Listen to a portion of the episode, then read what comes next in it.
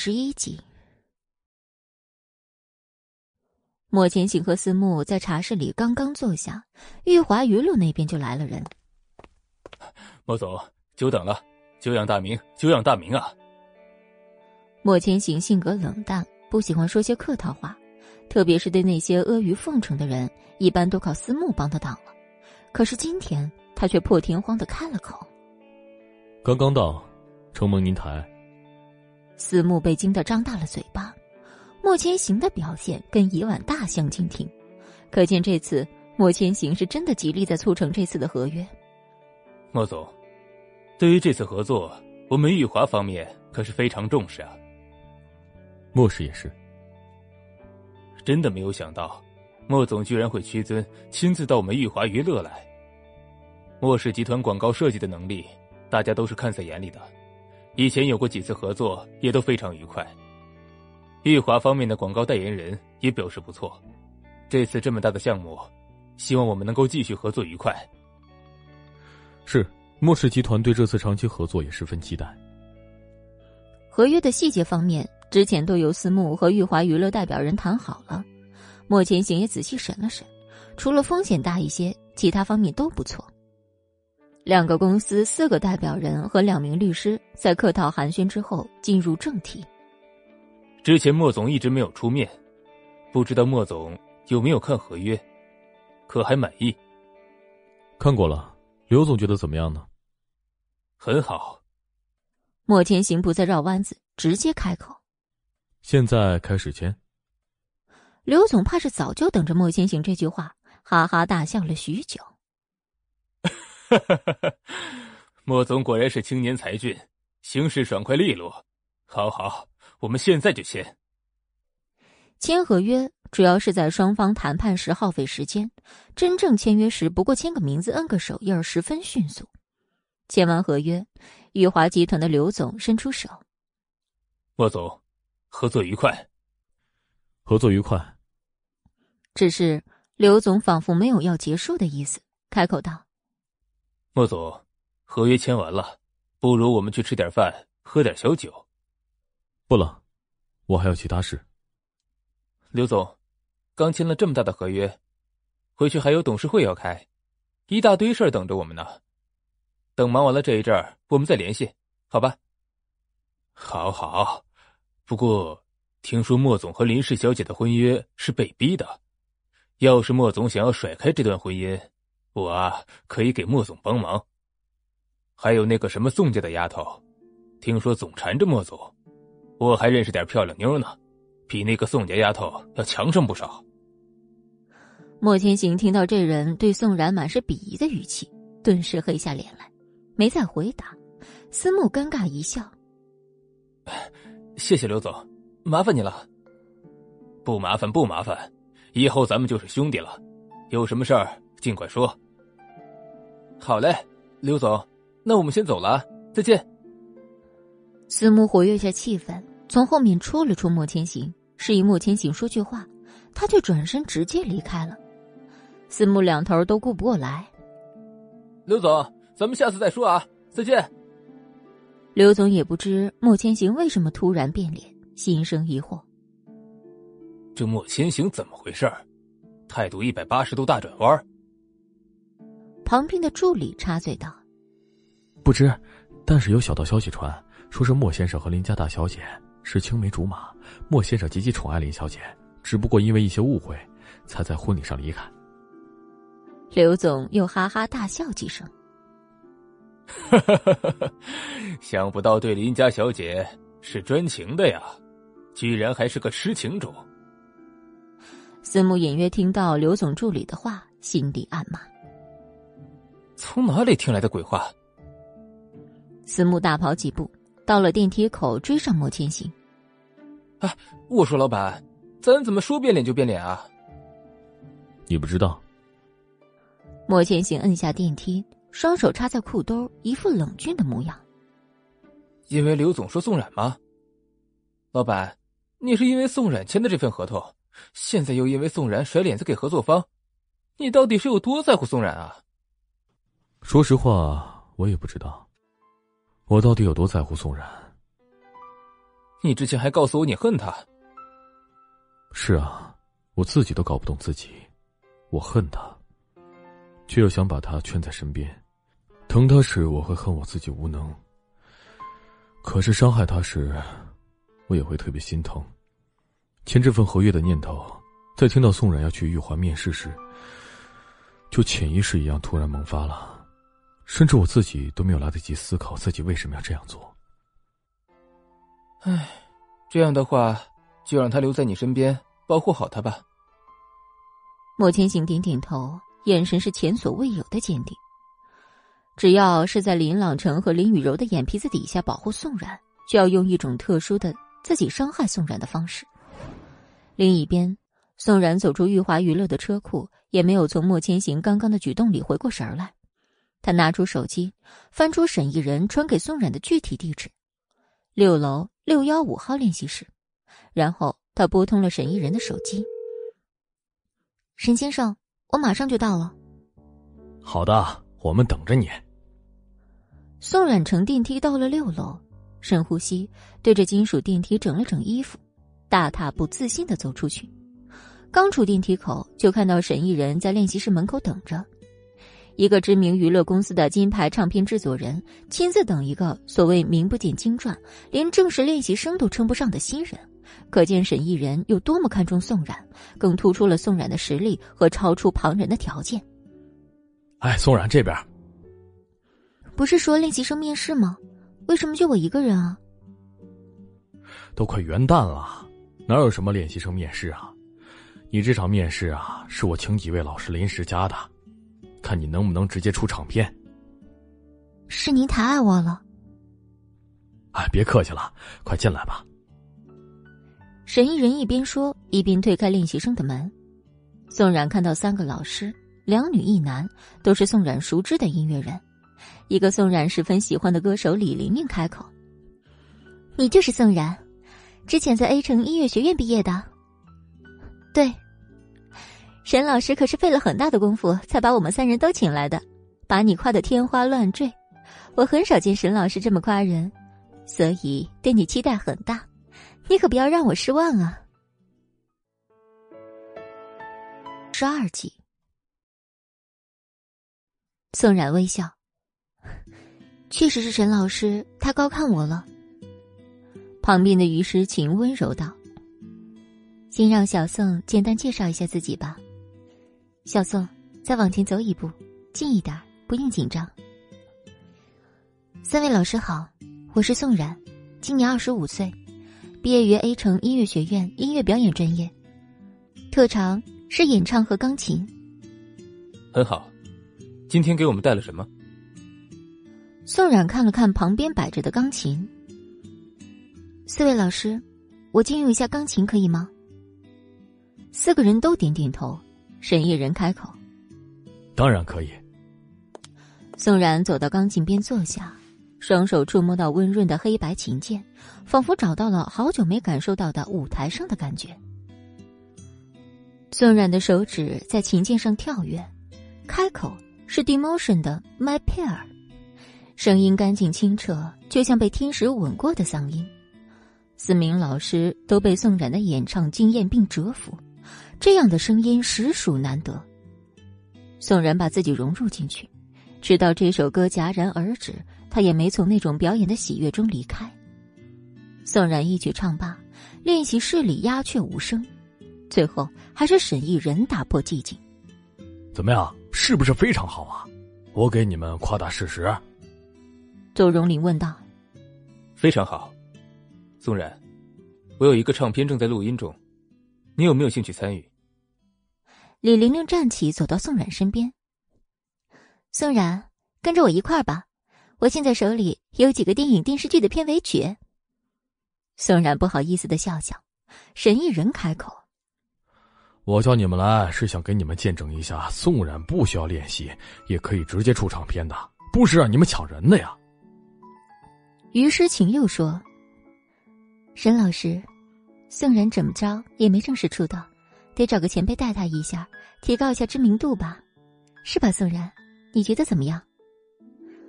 三位老师我都很喜欢，而且老师们都有值得我学习的地方，所以能够跟谁合作都是我的荣幸。沈一人怕宋冉得罪人，打着圆场。你们三个前辈都在这要人，谁都不知道该怎么选啊！哎，你们三个给我证明一下，我和刘总谈一下宋冉合约的事。行，宋然，你自己考虑好，我们都很愿意帮你。李玲玲又握起宋然的手，宋然有些惊讶，他并没想到当红实力派女歌手李玲玲这么平易近人。好的，李老师。紧接着，李玲玲索性直接让宋冉坐下，四名前辈和宋冉坐在一起，什么架子都没有，像唠家常一样跟宋冉聊天。小宋，我也是 A 城音乐学院毕业的，比你大上几届，后来回母校几次，也听过你的名字，看过两眼照片，今儿一看，本人更好看啊。那我能不能叫你学姐啊？当然可以。学音乐表演的真不容易，不只要嗓音出色，形象还要好。的确是沈老师会看人呐。不过当时怎么突然在音乐和表演界隐匿了呢？以你的条件，不管是演唱还是表演，都有很好的发展的。学姐，是一些回忆起来不太开心的事儿。我，好了好了，算学姐说错话，不开心的事儿咱就不想了。宋冉抬起头，看着于诗晴，心生感激，感谢上天让他遇到这么多可爱善良的前辈。又聊了一会儿，于诗晴的经纪人来电话：“新行程，沈老师让我帮他看看人，我现在还在公司呢，不是说好没行程吗？好好好，我现在就过去。啊，真是不好意思，又来新行程了。没关系，快去吧。”于世清临走之前还留了他的号码给宋冉，又抱了抱宋冉。后来李玲玲和邹荣林也陆续离开，联系室里只剩下了宋冉和沈艺人。这样就是通过面试了。过几天我会通知你来公司签合同，到时候你可以带着律师过来检查合约。好的，沈老师。那你现在准备去哪儿啊？直接回家吧，我想回家练习一下发声和形体。毕竟还是太久没登台了，表演的时候太紧张了。你要自信一点儿。一般像你这样自身条件这么好的，优越感都要甩别人好多条件，走路都是用鼻孔看人的。你和他们就十分不一样，谦逊有礼貌，确实难得。你这么夸我，我真的会不好意思的。哎，我说的都是实话。回家之前要不要和我去吃个饭啊？到现在我可都没吃早饭，吃完饭后我再送你回家。哦，沈先生不用了，你去吃早饭吧，不麻烦你了，我自己回家就好。啊，那好吧，我和你一起下楼，我到车库取车。好。宋冉和沈一人两人刚下电梯，宋冉就看到站在大厅里的身影，莫千行。他呆住，莫千行还没走吗？他真的是来谈公事的。宋冉走进莫千行所站立的地方，本想忽略掉他，直接走掉，可是没想到沈一人居然会叫住莫千行。莫千行，呃，您是莫总对吧？说着伸出了手。莫千行点点头，犹豫了一下，还是把手伸过去。怎么称呼？哎，我姓沈，叫沈逸人，是玉华的唱片制作人。我经常在商业报纸上看到您的照片和名字。听说莫氏最近和我们玉华谈了一个长期的合约。对，现在是谈完了。嗯，已经签了合约。宋冉在旁边疑惑着，眼中写满了大大的问号，看向莫千行。莫千行也看向宋冉。我说了，我是过来谈工作的。还不信吗？这次轮到沈一人惊讶了。呃，你们两个认识啊？认识？不认识。两个截然相反的回答从莫千行和宋冉口中得到。莫千行听到宋然斩钉截铁的那句“不认识”，立马挑了挑眉，用一种带着威胁气息的眼神看着宋然，像是在说：“你如果再说一句不认识，我就可以虐死你。”宋冉终究还是在莫千行的淫威之下低下头，变得乖巧起来。十三集，和莫千行寒暄了几句之后，沈一人先行离开。宋冉不想跟莫千行一起回去，转身也要离开，却被莫千行一把拉住胳膊。宋冉，那个叫沈一人的对你很是照顾啊，他刚刚要送你回莫家。没有的事儿，你想太多了。是吗，宋冉？你勾人的本事见长啊！不知道我让你出来面试到底是对还是错的，你最好不要在外面沾花惹草，不然我不会放过你的。我和谁关系好，没必要一一向你报备吧？你最好离沈一人远一点不然我会让他变成第二个细菌，让他没办法再和你相处。或者是让他知道我们的关系。莫千行，你无耻！宋冉的话像是一拳打在棉花上。莫千行不但没生气，反而低声笑起来。他靠近宋然耳边，开口：“宋然，你有没有想过，以后作为明星被爆出与公司总裁有说不清道不明的关系之后，你的星途会是怎么样？”莫千行温热的气息喷洒在宋冉的耳郭，痒痒的，让宋冉气得发红的耳郭变得更加红了。他攥起拳头捶到莫千行的胸口，手被莫千行按住，隔住厚厚的衣服，宋冉还能感觉得到他有力的心跳声。你干什么？放开！我不松。莫千行不但没松开，反而捏得更紧了。公司里人来人往，说不定还有哪个跟拍的狗仔就在附近。宋冉气得面红耳赤，莫千行却笑起来。不知为什么，他莫名喜欢宋冉着急的样子，和那副冰冷毫不在乎的模样完全不一样。这样会着急、会骂人、会打人的宋冉才真实可爱，有生活气息。宋冉看到莫千行笑，心里更生气。你笑什么？笑你啊！说完，莫千行松开宋冉的手腕，转而变成牵手，带着笑意开口：“回家。”宋冉被莫千行牵着手，从远处看倒真是郎才女貌，只是凑近一些就能看到宋冉满是不情愿的笑脸和皱着的眉毛。走到车旁边，莫千行强行把宋冉塞进副驾驶，然后自己又坐上车。你不回公司？先回家。最近莫千行回家的频率比起以前确实高很多，宋冉以为是因为林雨柔住进莫家，莫千行赶着去陪她，却怎么都想不到，莫千行是怕他被林雨柔欺负。莫千行突然凑到宋冉面前，哪怕坐下，莫千行也比宋冉高出许多。他居高临下向宋冉靠近，男人的脸突然压来，刚烈的荷尔蒙让宋冉突然乱了心跳。呼吸都是他清冽好闻的气息，眼神闪烁，不敢与他对视，双脚像是生了根似的动不了，害怕的上身一直往车窗上倒，他紧张的咽着口水。两人相隔仅五厘米左右，他的气息喷到他的脸上，引得他全身酥麻悸动。宋冉不明白，莫千行这突然的举动只是一味的紧张，其实莫千行都不知道。自己为什么要突然靠近宋冉？只是看着宋冉白皙可爱的脸颊，就忍不住想要靠近。莫千行为了掩饰自己的心虚，正过身子，轻轻咳了两声。到了莫家，林雨柔立马扑到莫千行身上。千行，我一早起床就不见你，你去哪儿了？说完，又看向宋冉。和宋冉一起。没有。回来时恰好遇到而已。千行，你吃过早饭了吗？我爸妈给我送过来我很喜欢的厨师兼营养师，为了等你，做好的早饭都凉了。莫千行装作不经意的甩开林雨柔随时贴上来的双手。吃过了，你自己吃吧。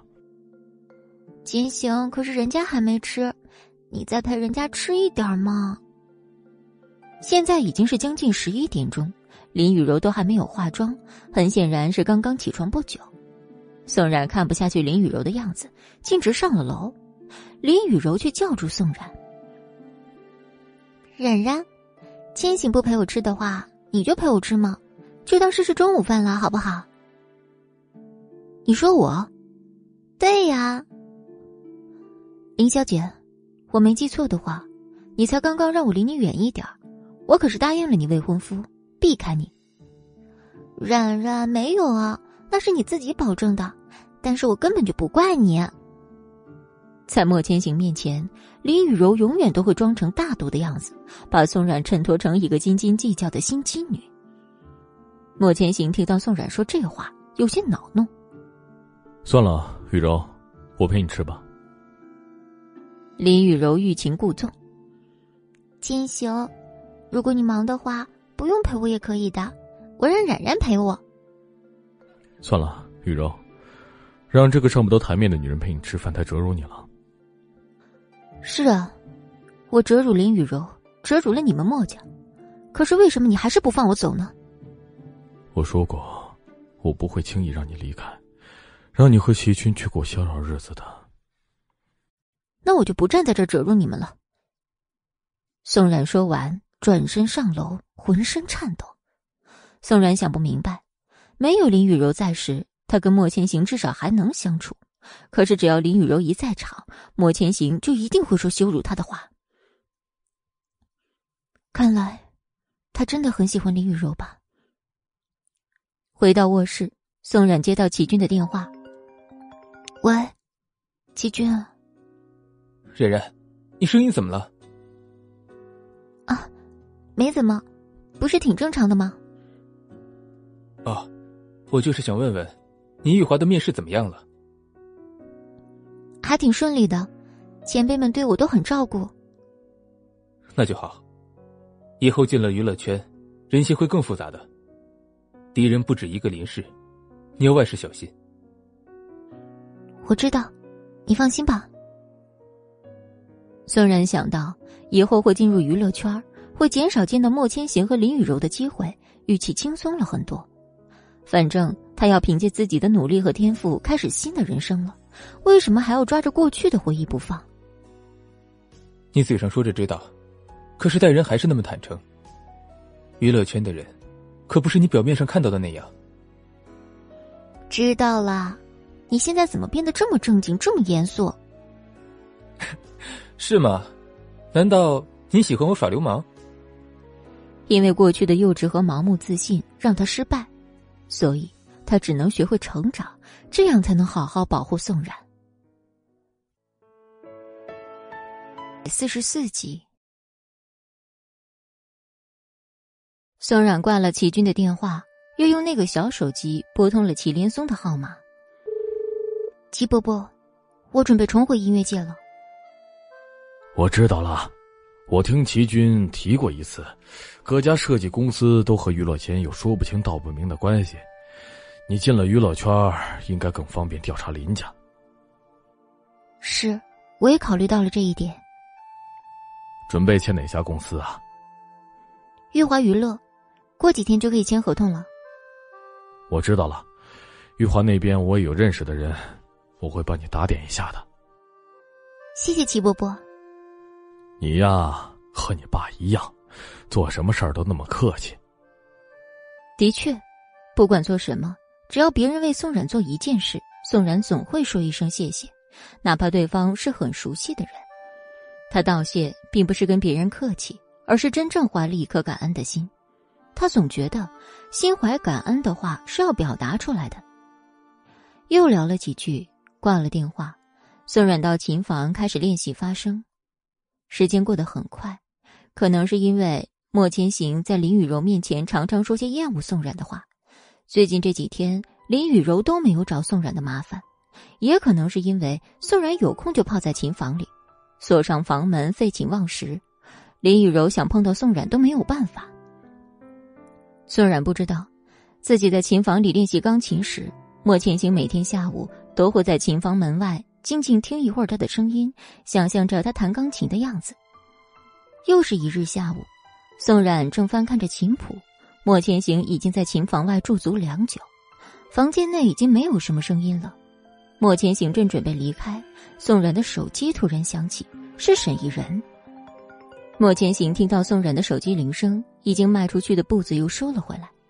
莫千行堂堂一个设计龙头公司总裁，现在居然在听墙角。沈老师，宋然啊，明天就可以签约了，上午九点到公司来，到的时候联系我。好。还有，之前和你提过的可以带律师过来。你有没有联系律师啊？暂时还没有，正准备你通知我之后再联系。好，需要帮助的话可以告诉我。最近都在干什么呢？就是一直泡在琴房里练琴、唱歌、学技巧。你的歌声情感掌握很到位，很能打动人，所以技巧方面不是那么重要。签约之后啊，公司就会安排你和前辈录唱片，你要保护好声带。好的，那就明早见啊！千万别迟到。嗯，再见。莫千行听到宋冉的声音，但是打电话的另一方他完全听不到。但是听宋冉说的话，那一方应该是沈逸人。莫千行的手机突然不适时响起，莫千行疾步走到离琴房远一点的地方。思墨，你小子找死啊！老板。我打个电话给你，没做错什么吧？身后，宋冉推开琴房的门。谁啊？他看到莫千行的瞬间，那句“谁啊”已经脱口而出，想收回也已经来不及了。莫千行直接掐断跟思慕的电话，转了语气：“宋冉，你记性这么好吗？才几天不见你就忘了我是谁？”宋冉不想跟莫千行争执，避开莫千行话里的锋芒。你找我有什么事吗？我走到这儿来，就一定是找你吗？宋冉看了看琴房四周，这一层别墅除了一个偌大的琴房，就是堆叠杂物的地方。莫千行几乎不会到这层楼来。他听到莫千行的回答，哦了一声，直接退进琴房，正准备关上门，莫千行却突然叫住他：“等等，你，你什么时候签约啊？”莫千行想了半天，才憋出这一句话：“明天。”我知道了。还有，今晚是平安夜。莫千行在圣诞节那天出生，今晚是平安夜，也就意味着明天是莫千行的生日。自从莫千行和宋冉在一起之后，几乎年年平安夜在哀城都会有一场大雪，持续到第二天的圣诞节。每一次平安夜和圣诞节，宋冉都会陪着莫千行一起度过，以至于他都习惯了宋冉的陪伴。他并不是个把自己生日当成多么神圣日子的人，可是每一年莫氏集团都会在圣诞节全体放假，放假的理由是去陪陪自己爱的人吧。只是因为他习惯了宋冉的陪伴。没有宋冉陪他的那几年，莫千行总是自己一个人去到曾经宋冉和他去过的地方。一遍遍回忆，就像一次次将快愈合的伤疤再一次揭开，心痛的无以复加，却只能在深夜自己一个人时舔舐伤口。平安夜吗？可对我来说，并没什么特别的。莫千行的心忽的下沉，不再说话。他实在不想一开口就是伤害宋冉的话。宋冉难过，他也会疼。莫千行。我一直想问你，都这么久了，我妈妈呢？为什么还没接过来？房间我已经准备好了。私人购买医疗器械比我想象的要麻烦很多，只是你以后每天要出去工作，你妈妈待在莫家，你放心吗？千防万防，家贼难防。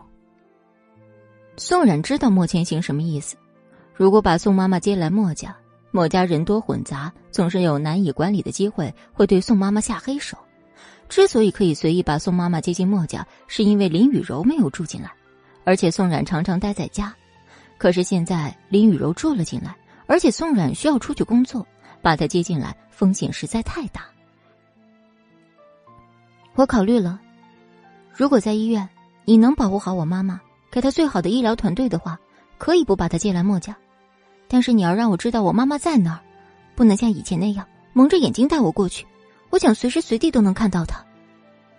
可以，但是一个星期最多两次，一次最多待两刻钟。好，我答应你，不许反悔。宋然只是试着跟莫千行谈谈条件，没想到莫千行会答应的这么爽快。一个星期能够看妈妈两次，他就十分知足了。嗯，明天去签合约的华大哥律师吧，我派人跟你一起去。宋冉不明白莫千行的态度为什么转变的这么快，但是自己确实懒得再找律师，点点头同意了。第一百四十五集，宋冉仔细看了看莫千行，几天不见，他瘦了许多，面色红的不太正常，下巴上还露出一点青黑色的胡渣。莫千行有些头疼。双手揉了揉太阳穴，身形不稳，差点就向后倒去。他扶住门框才站稳。宋冉看到莫千行向后倒去，手伸到一半又缩了回来，所幸他扶住门框站稳了。宋冉想了一会儿，还是开口：“你怎么了？需不需要告诉林雨柔，让她陪你去医院看看？”莫千行从公司来莫家之前，好不容易才找了很多理由把林雨柔打发走。莫千行对林雨柔声称自己发烧生病，怕传染她，还有家里的佣人都放了假，没人照顾她，让她暂时回林家住几天。现在宋冉又突然在他面前提起林雨柔，莫千行不由得有些恼火。不必，他不在家。宋冉觉出莫千行语气的突然变化。变得恼怒了，但又着实搞不明白他脾气为什么这么古怪。从前不是这样的。他看了看莫千行红的不自然的脸，耐着性子问：“莫千行，你发烧了吗？”莫千行突然把宋冉的手抓起来，贴在自己的额头上。“你自己试试，就知道了。”宋冉吃了一惊，感觉到手背处灼热的温度，烫的吓人。我找人。带你去医院看看，宋然。你一会儿让林雨柔陪我去医院，她不在这里，你又想着找其他人。明明是你离我最近，所以你为什么不考虑一下陪我去医院呢？陪我一下，就这么难吗？人在生病的时候，往往十分敏感脆弱，哪怕是像莫千行这样性格冷淡的总裁。在生病的时候，也总是想触到心底的一点温暖，渴望得到照顾。你如果愿意的话，我陪你去，我可以。傻瓜，怎么会不愿意呢？你不要想多了，家里没人，我给佣人们放假了，他们元旦之后才回来，所以我找你是迫不得已。其实，莫千行从公司回来的时候，只是稍微有点发烧。回家吃了点退烧药，烧不但没退，反而烧得更厉害了。莫千行昏昏沉沉的在琴房外面听宋冉弹钢琴唱歌，准备待会儿就走，可是手机响起来，把宋冉招惹了出来，事情就发展成了现在的样子。到了楼下，一个人影都不见，果然是给佣人们放假了。偌大的莫宅显得十分荒凉，别墅就算再有格调，再富丽堂皇又怎样？没有人的居住，没有烟火气息，就只能被称为一个建筑物，而不能称之为一座房子。而如果是一个茅草屋，有相爱的人住在那儿，哪怕生活清贫，也可以称之为一个家。这偌大的墨宅只可容身，可安放不了宋冉的灵魂。想到这一点，宋冉低头叹了口气。车上，莫千行跟宋冉两人一起出去。宋冉是第一次开车，他早就考了驾照，后来虽然不怎么碰车，但头脑和肢体都比较灵活，车技也还算不错。是怎么回事？怎么突然发这么高的烧？是感冒还是其他的？没有感冒，嗓子发炎，咳嗽了几天。宋冉嗯了声，实在不知道该说些什么。待在家里这几天，外面的圣诞氛围更浓郁了。许多店的门口都摆上了圣诞树，缠绕上彩色的灯。冬天天黑的早，小彩灯都闪烁起来。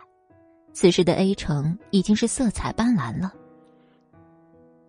莫千行看着窗外温馨热闹的景象，迷迷糊糊的睡着了，头侧向宋冉那边，还闻到了宋冉身上独特的牛奶味儿，钻进鼻孔里，带着一股甜甜的味道。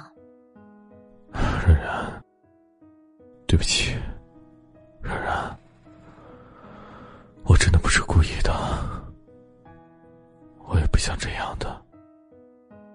宋冉听到从莫千行嘴里说出这样的话，浑身都颤抖了。上次喝醉了是冉冉，我想你了；这次发烧就变成了冉冉，对不起。宋冉不知所措，到底哪个才是真的你？莫千行，算我求求你了。你如果恨我，就不要一直对我好；如果你不那么讨厌我，能不能别再对我说那么狠的话了？宋冉说的声泪俱下，可是莫千行烧成这个样子又睡着了，哪里听得到？到了医院，莫千行还是没醒。宋冉把车停在停车位，叫醒莫千行。莫千行，莫千行，没有回应。莫千行动都没动。宋冉摇了摇莫千行的胳膊：“喂。”你醒醒！依旧没有反应。宋冉把身子靠过去，解开莫千行的安全带，后面一双手突然附上了宋冉的背，随后一只手抓住宋冉的肩，另一只手附上了宋冉的头，把宋冉的头往自己的怀里按。宋冉柔软带着小苍兰香味的头发蹭到了莫千行的脖颈上，痒痒的。医院到了，你干什么呢？让我抱你一会儿，就一会儿。宋冉突然有点喜欢这样生病时候的莫千行，没有以前那样的冷酷锋利，浑身都变得柔和了许多，说话也不再那么强硬，而是带着妥协商量的态度。仔细品瞥，还有点撒娇的意味。宋冉没再反抗，只是这样的姿势有些不舒服，过一会儿腰就有些酸了。宋冉僵着身体不敢动，任由莫千行抱着。突然，莫千行猛地把宋冉推开，像是受到惊吓一般。我刚刚不舒服，你不要在意啊。宋冉好久没有看到这样孩子气的莫千行了，有点可爱又很好笑，于是只能强忍着笑意。知道了，下车吧，去检查一下。莫千行走的是快速通道。在人满为患的医院里，不用排队，不用预约，就可以在专家组问诊。先生，说一下您的病情。嗓子疼，应该有些发炎，咳嗽了几天，发烧。从什么时候开始烧的？今天下午。吃药了吗？吃了退烧药，但是没用，烧越起越高。医生递给宋冉一支体温计。小姐。麻烦帮你先生试一下体温。宋冉有些尴尬，他看了莫千行一眼，还是接过了温度计。第一百四十六集，医院里用的是水银温度计，需要在腋下测十分钟。天气很冷，莫千行衣服穿得厚，他脱下了平日里穿的西服，内搭一件舒服的带扣衬衣。裹上了厚厚的羽绒服，显得清爽许多。要在腋下测体温的话，莫千行就要拉开羽绒服，解开衬衣上方的几粒扣子。宋然把体温计甩了甩，看到黑线退到三十五摄氏度之后，把体温计递给莫千行：“喏，试试吧。”我没力气。那你先把衣服解开。我说了，我没力气。莫千行故意把声音放低放慢，好像是真的十分虚弱。宋冉僵住，不知道该怎么做。自己总不能去解莫千行的衬衣吧？这样未免太尴尬了些。医生在旁边看宋冉没有下一步的动作。怎么了？哎呀，帮自己先生解个扣子嘛，别不好意思。莫千行直接抓住宋冉的手腕，把他的手拉到自己的衣领处。宋冉在心里默默吐槽：“解扣子的力气没有，这会儿拉他的力气倒是有了。”宋冉被逼上梁山，上下不行，只能甩开莫千行的手。你松手，我姐。此时医生好像看出两人之间有点不太对劲儿，以为是小两口吵架，会心一笑。莫千行衬衣的纽扣口特别小，解开很费劲，特别是莫千行坐着，宋冉站着，更加不方便解。宋冉有些较劲，明明就要解开，手一滑，突然又松回去了。他干脆半蹲下，良久才解开三粒扣子。宋冉冰凉的指尖无意的碰到莫千行灼热的胸膛，宋冉猛地缩回手，抬头恰好对上莫千行的眼睛。莫千行潭水一般的眼睛带着笑意，满潭的温柔就要溢出来了。宋冉的脸愈发红了，连耳根子都染上了一层红，堪比莫千行的脸色。宋冉眼神闪躲，手脚无处安放。拿起水银的体温计，递给莫千行。试试吧。莫千行笑意盈盈的接过体温计，把衣领拉开，露出小麦色的结实胸膛。宋然只知道莫千行常常在公司熬夜加班，以为他的身体并不会多么强健，没想到莫千行却是穿衣显瘦、脱衣有肉的类型。莫千行把温度计放到腋下，抬头看到宋冉，恰好和他对视。宋冉连忙把视线挪开，脸更红了。由于莫千行走的是快速通道，有这样待遇的人并不多，所以这间急诊室里人很少。此时也只有莫千行、宋冉和医生而已。试体温的过程中，医生又详细问了莫千行的情况：最近有没有接触咳嗽比较严重的人？我印象里是没有。有没有吸烟史？还有，会不会和别人共用一个茶杯或者毛巾之类的？很少吸烟，我不会和别人共用东西，我有洁癖。那，最近有没有受过什么比较严重的外伤，会引起发炎的那种？前段时间有过一次烧伤，但是现在都恢复好了。烧伤面积大吗？当时有没有出现流脓发炎的情况？烧伤面积还好，流脓发炎也出现过。医生拿出听诊器，离莫千行近了一点然后把听诊器放在莫千行的胸口上。听了一会儿，医生开口：“嗯，体温测的差不多了，拿出来吧。”莫千行示意宋冉把温度计拿出。宋冉犹豫了一下，还是走进莫千行，拿出温度计递给医生：“ 三十九度二。”这很高啊！情况我了解的差不多了，是你前段时间外伤引起的轻度肺炎，需要输液住院观察，到时候再做个肺片过几天病情稳定了就可以出院了。还要住院？莫千行最不喜欢在医院里扎针，还有闻消毒水的味道。都烧成这样了，还不住院呢？趁现在还是轻度的，要快点用药治好。不然时间久了，可就不是三十九度的问题了。宋然知道，莫千行从小天不怕地不怕，就怕扎针。之前烧伤住院时，扎针都是在他昏迷时候进行的。哪个护士在莫千行清醒的时候给他扎针，只怕是要倒大霉。听完医生的话，莫千行仍然固执。不扎针还有什么办法能治啊？不扎针，你觉得还有什么办法？肺炎是吃药就能好的吗？你开点药吧，总之我不扎针。莫千行没了平时霸道、独裁、专制的样子，怕打针的样子反而像孩子，有些可爱。医生有些恼，也不管能走特殊通道的到底是什么身份的人。吃药就能好的话，让你住院干什么？医院床位很紧张，有些需要的人都进不来。那就留给有需要的人喽。医生觉得跟莫千行难以沟通。转而看向宋冉，小姐，劝劝你先生，住几天院扎几针吧。莫千行，要不你住几天院吧？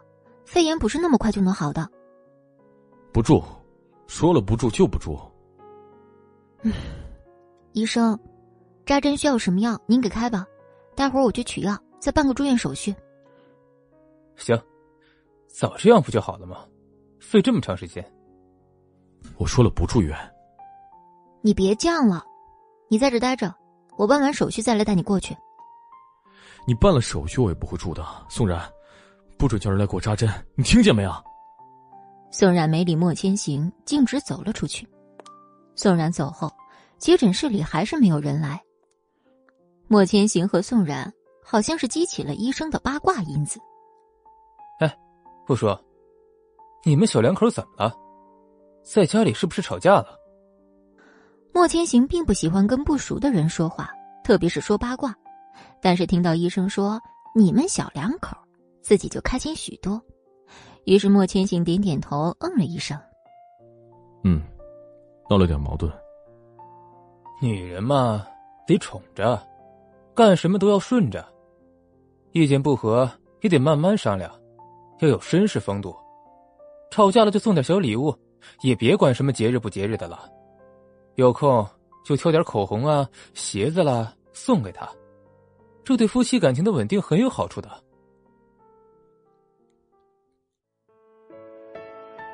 第一百四十七集，莫千行长这么大，除了莫父，几乎没有人敢用老师的语气和他说话，几乎所有的人都对他毕恭毕敬。但是今天医生这么和他说话，他非但没有反感，反而还有点感兴趣。嗯，你接着说。还有什么吗？我说哥们儿，看你很有钱啊，人也帅，难道不会哄老婆？莫千行一记冷眼杀过去，医生吓得一个冷战。你别废话，还有什么小技巧没有？莫千行此时好像已经忘了自己还在头疼咳嗽，发着三十九度多的高烧。兄弟啊，其实这也不算是什么技巧。应该说是做一个好丈夫和好男人的必备技能。我说，你可要好好听。嗯。那我问你啊，你老婆平时会不会经常跟你闹小脾气？会不会经常想翻看你手机？没有。没有。那你老婆还挺善解人意的。她会和你顶嘴吗？会。那。看到你和别的女人在一起，会不会吃醋，和你吵一架？喜不喜欢黏着你，和你讨论他喜欢的吃的、穿的和偶像、电视剧？你得了解他了，才能知道从哪里下手献殷勤。不会，都不会。什么？都不会？我说兄弟，你老婆这对你也太不在乎了吧？她不会不喜欢你吧？莫千行再一次杀过去一记眼刀，医生意识到自己说错了话，赶紧闭嘴，佯装打了自己几个大嘴巴。呃，兄弟，不好意思啊，不好意思。莫千行直接起身离开，出门刚刚拐角就遇到了宋冉。宋冉看到莫千行，你怎么出来了？不是让你在急诊室里等着吗？什么时候出来不一样？哦，你想怎么样就怎么样吧，反正我也管不了。手续我都办好了，药物也取完了，护士就在病房那边等着，你过去吧。我站不稳，你扶着我。莫千行此时羽绒服还是敞着的，衬衫上的三颗扣子也还没扣上，露出漂亮的锁骨和结实的胸膛。宋冉看得心慌，不知道自己究竟要不要把手伸过去扶住他。你想什么呢？我说我站不稳，头疼，你扶着我。终于，宋冉把手伸过去，抓住莫千行的手臂。宋冉正低着头，没看到自己抓住莫千行胳膊的那一刻，他脸上浮现了邪邪一笑。莫千行并没有股份在这间医院里，而且这家医院比较普通，不像私人医院那样有总统套房，为数不多的几间单人病房也都住满了人。宋冉迫不得已，只能让莫千行住单人间了。宋冉把莫千行带到住院部，在病房门口准备往里走的时候，莫千行愣住了。宋冉，你走错了吧？啊，没有啊。你让我住多人病房，和那么多人一起。对啊，这就是个小小的公立医院，没什么总统病房。就几间单人房，也都住满人了。我是没办法，你就在这将就几天吧。如果面对的是思慕，莫千行应该会说：“住满人，你不会给我找人疼啊？疼不了，你不会给我转院。我可是要在这儿待几十个小时，甚至上百小时，你就让我住这儿，和一群不认识的人在一起。思慕，你是脑袋被门挤了，还是想找死啊？”但是莫千行根本没有力气说那句话，何况站在对面的人不是思慕，而是宋冉。莫千行又想到刚刚医生说的：“女人嘛，得宠着，干什么都要顺着，意见不合也得慢慢商量，要有绅士风度。”于是他可劲儿的说服自己，捏紧了拳头，脸上笑着：“得，我住。”宋冉是第一个让莫千行妥协的人，也是唯一一个。莫千行和宋冉待在病房门前时，病友们就纷纷向外看。看背影，好像是俊男靓女的两个人，想要看清楚他们的真实面目。现在两人一走进来，病人们纷纷张大了嘴巴。有一个病床上的女孩子和坐在他旁边的好朋友，甚至窃窃私语起来：“哇，好帅啊！对啊，对啊。”好帅啊！不会是哪个咱们不认识的明星吧？不是吧？明星怎么会住多人病房呀？而且这么帅的明星肯定得火呀，咱们肯定得知道。我有生之年居然遇到这样品级的帅哥，这场病生的太值了！妈呀，怎么越看越帅？而且感觉他好成熟啊，比那些小鲜肉强多了，有魅力。自从莫千行进来，病床上女孩子的视线就没离开过他。两名女孩子聊得热火朝天，声音也越来越大。病床上的女孩好像发现了什么一样，两眼都放出光，扯了扯坐在他旁边女孩的衣袖：“喂，你看到没有？他衬衫有三个扣子没扣，有锁骨有胸肌，看他这样，肯定至少六块腹肌啊！我去，这也太撩了吧！”啊，我看到了，这就是百分百的撩妹体质啊！莫千行跟宋冉隐隐约约听到这俩妹子越来越大声的窃窃私语，宋冉腹诽：到底还是年轻啊，喜欢好看的皮囊。年轻的时候，我不也被他迷得死去活来的？现在成天虐我，我对他的感觉也变得说不清道不明了。姐妹们，长点心吧！当然了，这只是心里话，宋冉哪敢真说出来啊？莫千行冷眼看向那两个小妹妹，脸色发红，面无表情。两个小姑娘不但没被吓到，反而笑得更花痴了。哎哎，他看我们这边了！哎，你快看，你快看，我头发乱不乱？今天妆好看吗？哎呀，太惨了，怎么办？我没让他看到我最好的一面。哼，他看我们这边。是不是代表他也注意到我了？你说我要不要下手？不是吧？他确实朝我们这边看了，但是应该没有那个意思。你看他旁边那女生也很好看。八级，好像是真的漂亮哎！帅哥果然都是配美女的，本来我还以为要要个微信呢。不是吧？你认真的？我以为你也就看看颜值而已。他虽然帅，但年纪有点大，你居然还想着要微信？哎呀，你别说了，反正都没戏。宋然把莫千行带到病床边。你累的话就躺一会儿吧，我喊护士来。莫千行看着一米宽的病床，有些褶皱的床单和被子。你让我躺这儿啊？我不躺。这个床单和被子不知道有多少人用过，我最多坐一下。成，那您现在在这坐着也可以，就是不知道您到了晚上还有没有坐着睡觉的本事。别废话。行，你在这等着，我去给你叫护士。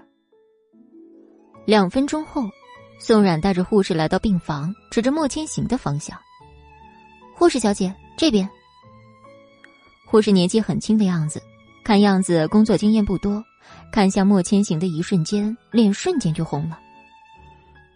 先生，我给你扎针。声音又细又软，还带着点害羞的意味。这是宋冉见过最温柔的护士。莫千行看到护士靠近他，声音居然弱了下去。别，别靠我那么近。护士愣了愣，心想：我不靠近，怎么给你扎针啊？开口却是：“啊，好的，先生。”同病房的两个小姑娘哈哈的笑了起来。宋冉听到他们笑，内心腹诽：你们是不知道他多害怕打针，还有他那霸道腹黑的样子。美女护士接着对莫千行说：“先生，您伸一下手，我才好给你扎针。”莫千行不为所动，什么动作都没有。只是眼神中带着闪躲。先生，请您伸一下手。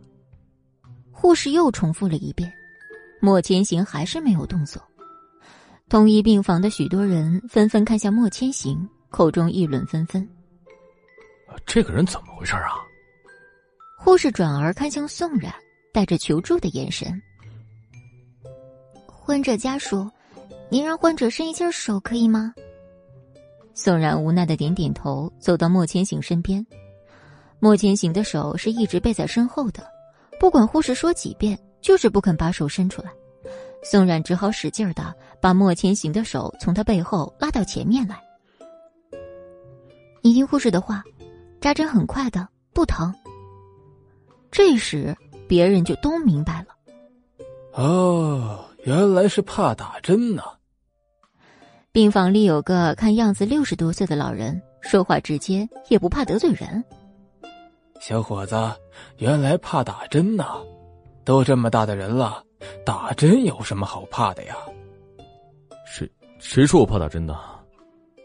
哟，这都结巴了，还说不怕呢？莫千行平日里的冷漠和威风，在今天消耗殆尽。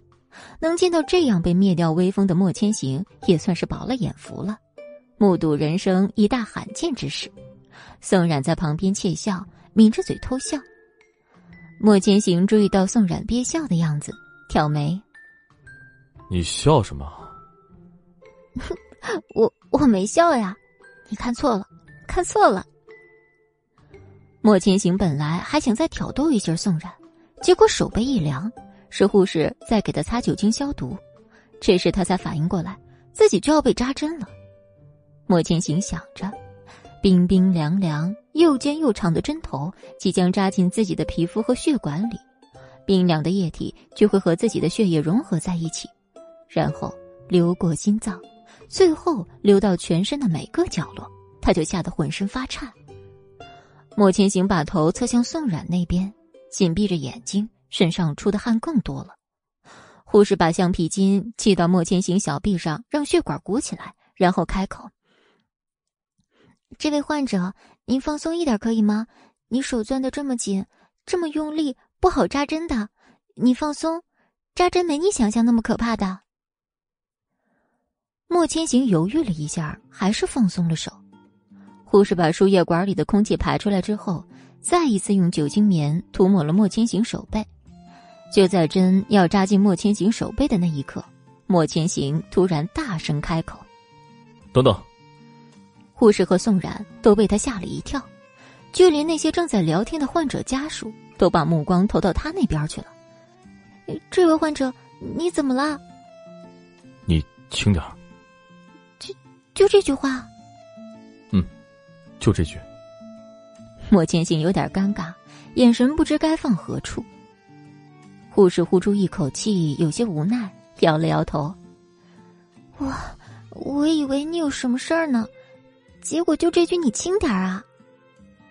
莫千行没再说话，宋冉看出他的尴尬，赶紧开口：“护士小姐，你快扎针吧。”然后把手轻轻附上莫千行的眼睛。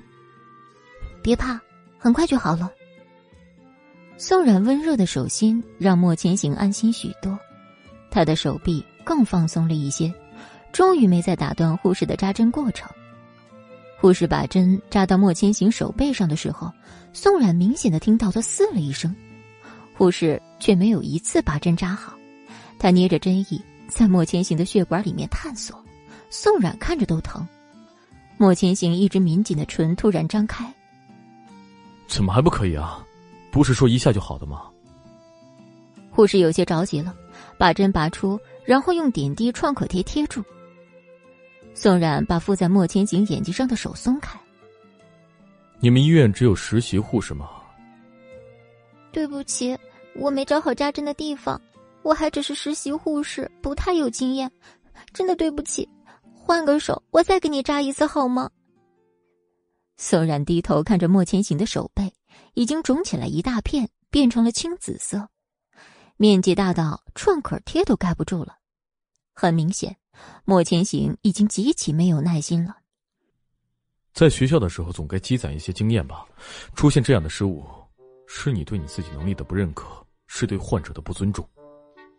莫千行这人，只有从前面对宋冉的时候才有耐心，对待其他人的错误都是嘴巴毒死人不罢休。对，对不起，我叫护士长来给你扎。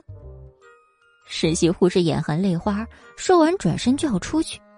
宋冉叫住这名护士：“等等，你再试一次吧，小心一点，不要紧张。”第一百四十九集，护士转过头来，用一种带着哀求的眼神看向莫千行。莫千行摆摆手：“哎，算了算了，你再试一次吧，毕竟还是实习生。”莫千行嘴上这么说，心里想的其实是：毕竟宋冉都说话了。这是总裁的心思，他人不好捉摸。第二次扎针，莫千行配合许多，护士进行的也很顺利。点滴快滴完的时候叫我，我给你换瓶儿。好，刚刚谢谢你了，小姐，你人美心善，希望你老公能快点好起来。宋冉尴尬的点点头，只能含含糊糊的应着。莫千行在一旁憋笑，一边打着点滴，莫千行嘴上还是吐槽着这个环境：太脏了，人又多又吵。莫千行从小除了和宋冉待在一起的时候，其他时间都喜欢独来独往。他喜欢安静自由的感觉，不喜欢周围过于吵闹与喧嚣，因此。莫千行到现在活了二十七年，真真正正走进莫千行心里的人，似乎只有宋然一人。只是隔了一层血肉，那人又故意伪装，谁又能看得清彼此心里那人究竟是谁？莫千行一边抱怨吐槽着，一边迷迷糊糊睡着了。最后，宋冉叫护士来拔针的时候，莫千行都没醒过来。拔完针之后。护士悄悄告诉宋冉：“美女，多亏你老公没醒，不然我怕我又会挨骂。”啊，其实他只是嘴巴毒一点而已，本性不坏的。宋冉也不知道自己为什么会为莫千行解释，但就是本能的脱口而出了：“ 瞧你这护肤心切的样子，我知道，我今天扎针扎成这样。”一般患者跟家属都会把我骂的狗血淋头，倪先生对我已经很客气了，只是质疑了一下我的能力，并没骂我，已经很好了。谢谢你的理解。哪有啊？我应该感谢你们的理解。小姐，你跟你先生都是好人，以后肯定会幸福的，要努力生活呀。宋冉看着年纪轻轻的实习护士，有股说不出来的心酸。自己也曾像他这样年轻过，面对生活斗志满满。只是现在，不过才过去几年，自己就已经失去了很多勇气和斗志。从今天起，他要把过去丢失的都捡回来。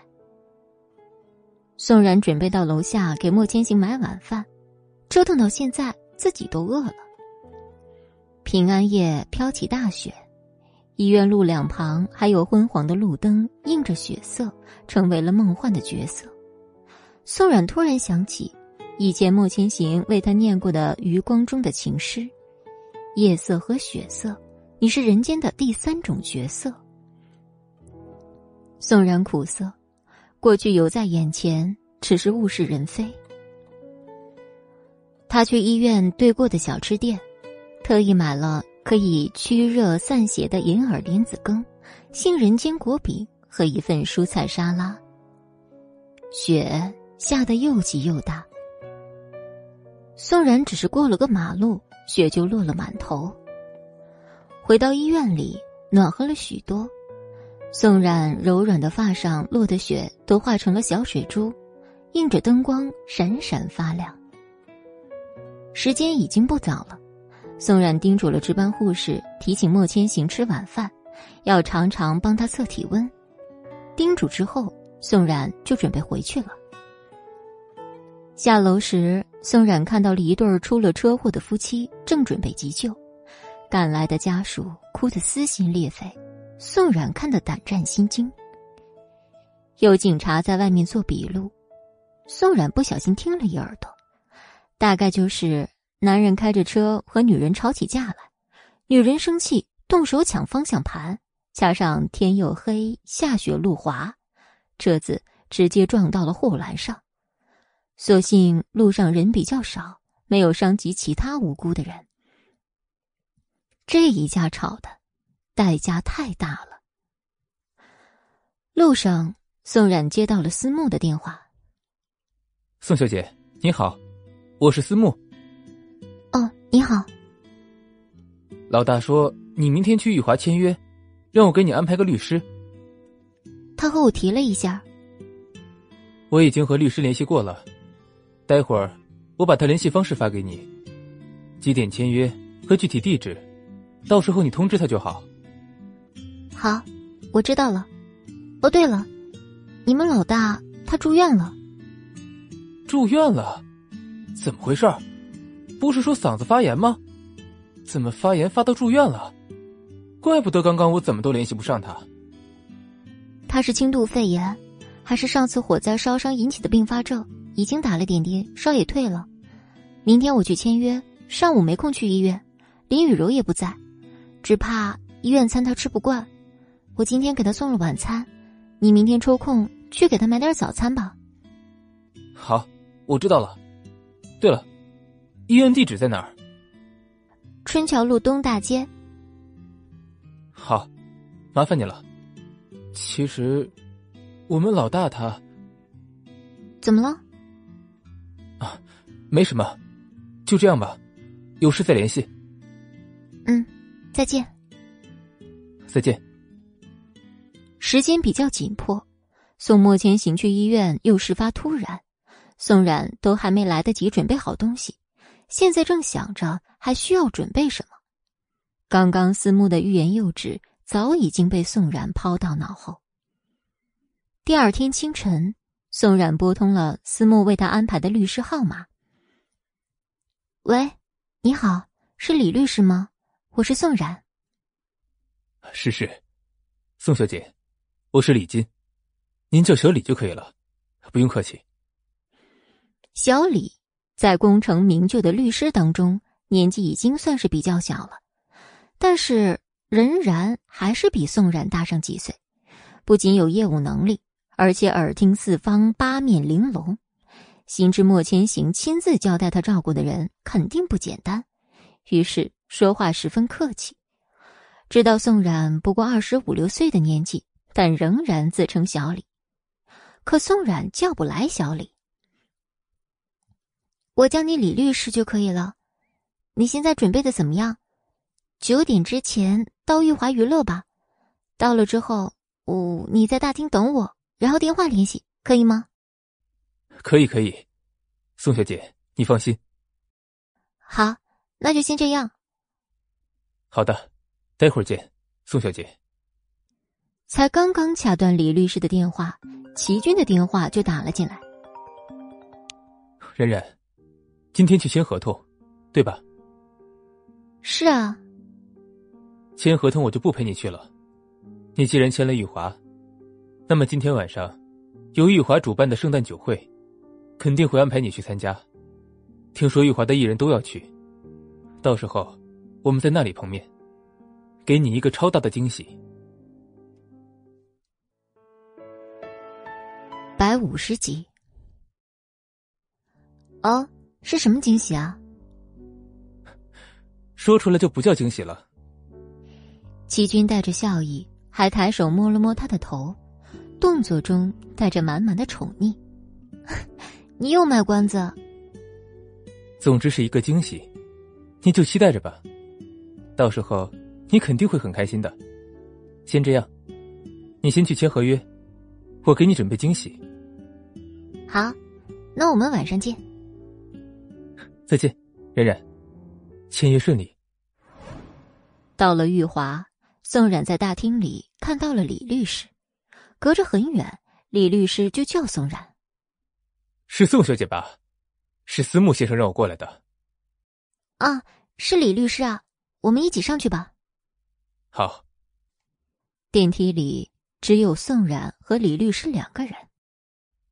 宋小姐比我想象的还要年轻漂亮啊！您过奖了。宋冉不想再把无意义的话题继续下去，这是他人出于对莫千行的力捧和追随才夸赞了宋冉。他把头侧向一边，李律师善读人心，知道宋冉不是喜欢被阿谀奉承的人，便不再搭话。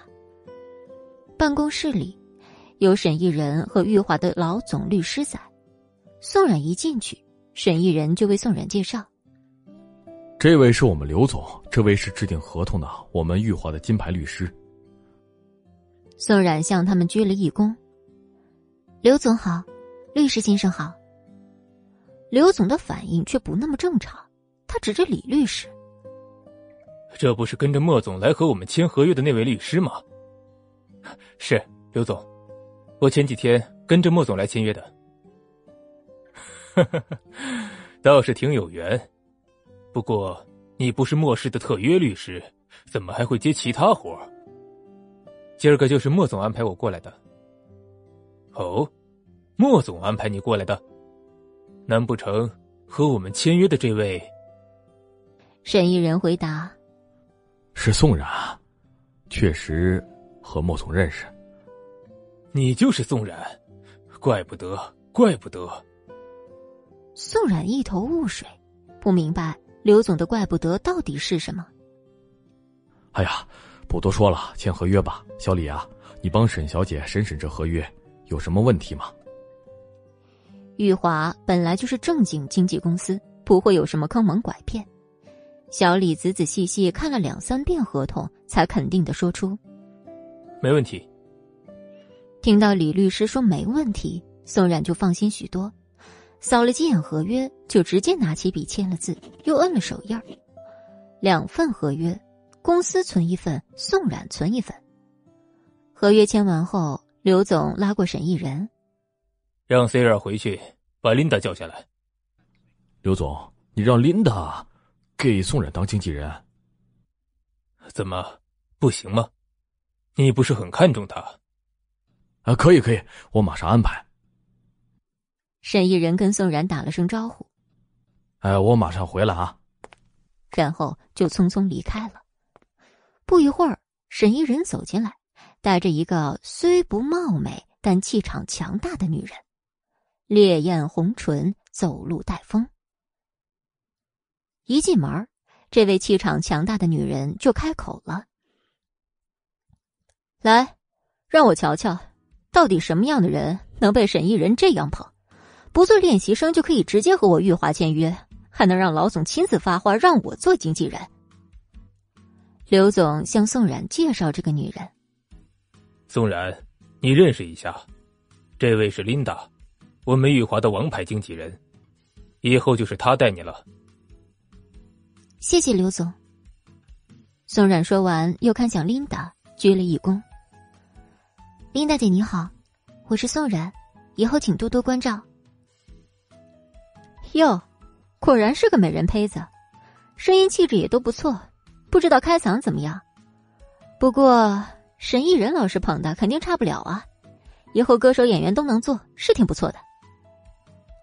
琳达是个人精，在娱乐圈里摸爬滚打二十年，人脉十分广，识人的眼光也十分毒辣。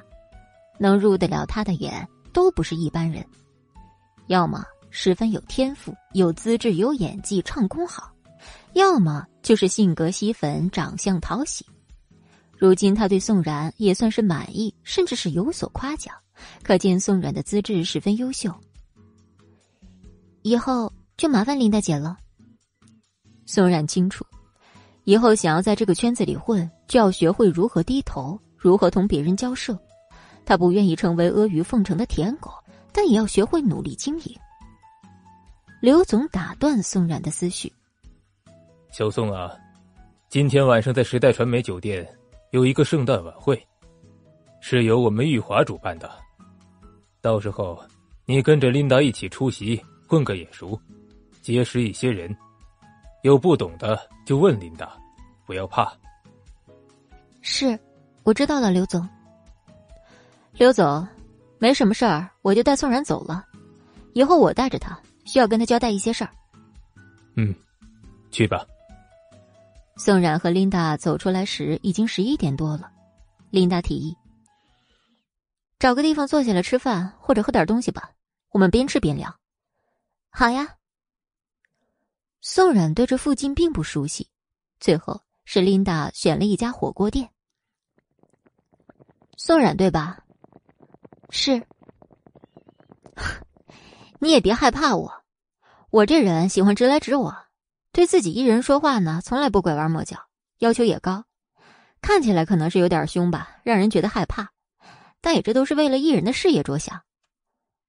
哦，我以后呢就叫你单自然，可以吧？干脆利落，都可以的。我之所以挑这个火锅店。首先是想让你放松，好好吃顿饭，享受一下普通人的生活。毕竟以后呢，要控制体重，维持体型。还有，毕竟是公众人物了，出门也不那么方便了。不过你这形体很不错，以后保持这样就行了。宋然点了点头，琳达却摇了摇头。你这样可不行，你是太紧张，还是本来话就少？有些紧张，不过。平时话也比较少。其实，宋冉从前跟莫千行待在一起时就是个小话痨，可自从宋家出了事儿，爸爸去世，妈妈昏迷不醒，他就变得越发沉闷。原本活泼的宋冉早就变得不知去向。可这些他是不会向别人解释的。这样可不行，以后得改，话少是吸不了粉的。首先呢，新人的性格一定要活泼，这样才能吸引人的眼球。你以前的成绩我也听说了，粉丝数量还成，也没什么黑粉。只是你这样突然出现在娱乐圈，而且来势比较凶猛，会引起很大非议。所以呢，我先给你安排一些出镜率不高的电视剧或者是综艺，慢慢出现在大众视野。十一集。宋然准备好了之前，就立刻坐上了出租车，启程去了玉华娱乐公司。公司很大，里面的设备之类都很完善。宋然本来已经给自己打好了底气，结果走进来之后，还是有点底气不足的样子，有点发颤。不过好在前台小姐姐很温柔，走了出来，笑着问道：“你好，来这是有什么事情吗？”宋然摆了摆自己的手。示意自己没事儿，就不用麻烦这位漂亮的小姐姐了。宋冉自己踏步走了进去，按照之前律师跟他说过的地址，找到了要去的房间。只是宋冉还没有推开房间门，门就猛然间被拉开，里面出来了一个女人，大红色的小短裙，细高跟儿，卷曲的头发，整个人身上的气质十分艳丽，配上红唇，攻击性十分强大。宋冉还没来得及说话，里面又出来一个女人，看上去像是工作人员，脖子上还挂着一个工牌。既然你别太任性了，这件事情已经给你安排到了这儿，见好就收吧。既然，宋冉眨了眨自己的眼睛，怪不得他觉得眼前这个女人有些眼熟，这不正是最近非常火的女明星吗？只是眼下的这个状况。怎么看上去有些不太对呢？那个被称为既然的人猛然间转过头来，他看着身后的工作人员，猛地把自己的墨镜摘下，扔在地上。只是这地上扔的不太凑巧，刚好扔到宋然的脚上。宋然还来不及反应，既然已经再次脱口说道：“秋姐，你别把我逼急了，要不然什么事情我都干得出来。”既然说完话之后就转身，只是他好像一直没有注意到宋冉是什么时候来的，一下子就撞到宋冉身上。他皱了皱眉头，张口就说：“没长眼啊！”宋冉听到他的话，一时之间也有点生气了。他一直站在这儿，被撞的人是他，这件事儿总不能怪他吧？只是宋冉还没说话，既然已经上下打量了一些宋冉。眼神之中审判意味十分明显，继而他看了一眼被那个称为宋姐的人，猛然间扯唇笑了出来：“哼，新来的艺人啊，切，现在玉华亲人的标准这么低了，还是被秋姐你带低的啊？”既然说完话之后，就直接踩着自己的高跟鞋一扭一扭的离开了。秋姐看着他离开的背影。一时之间叹了一口气。他看了一眼宋冉，开口说道：“你是今天来签约的吧？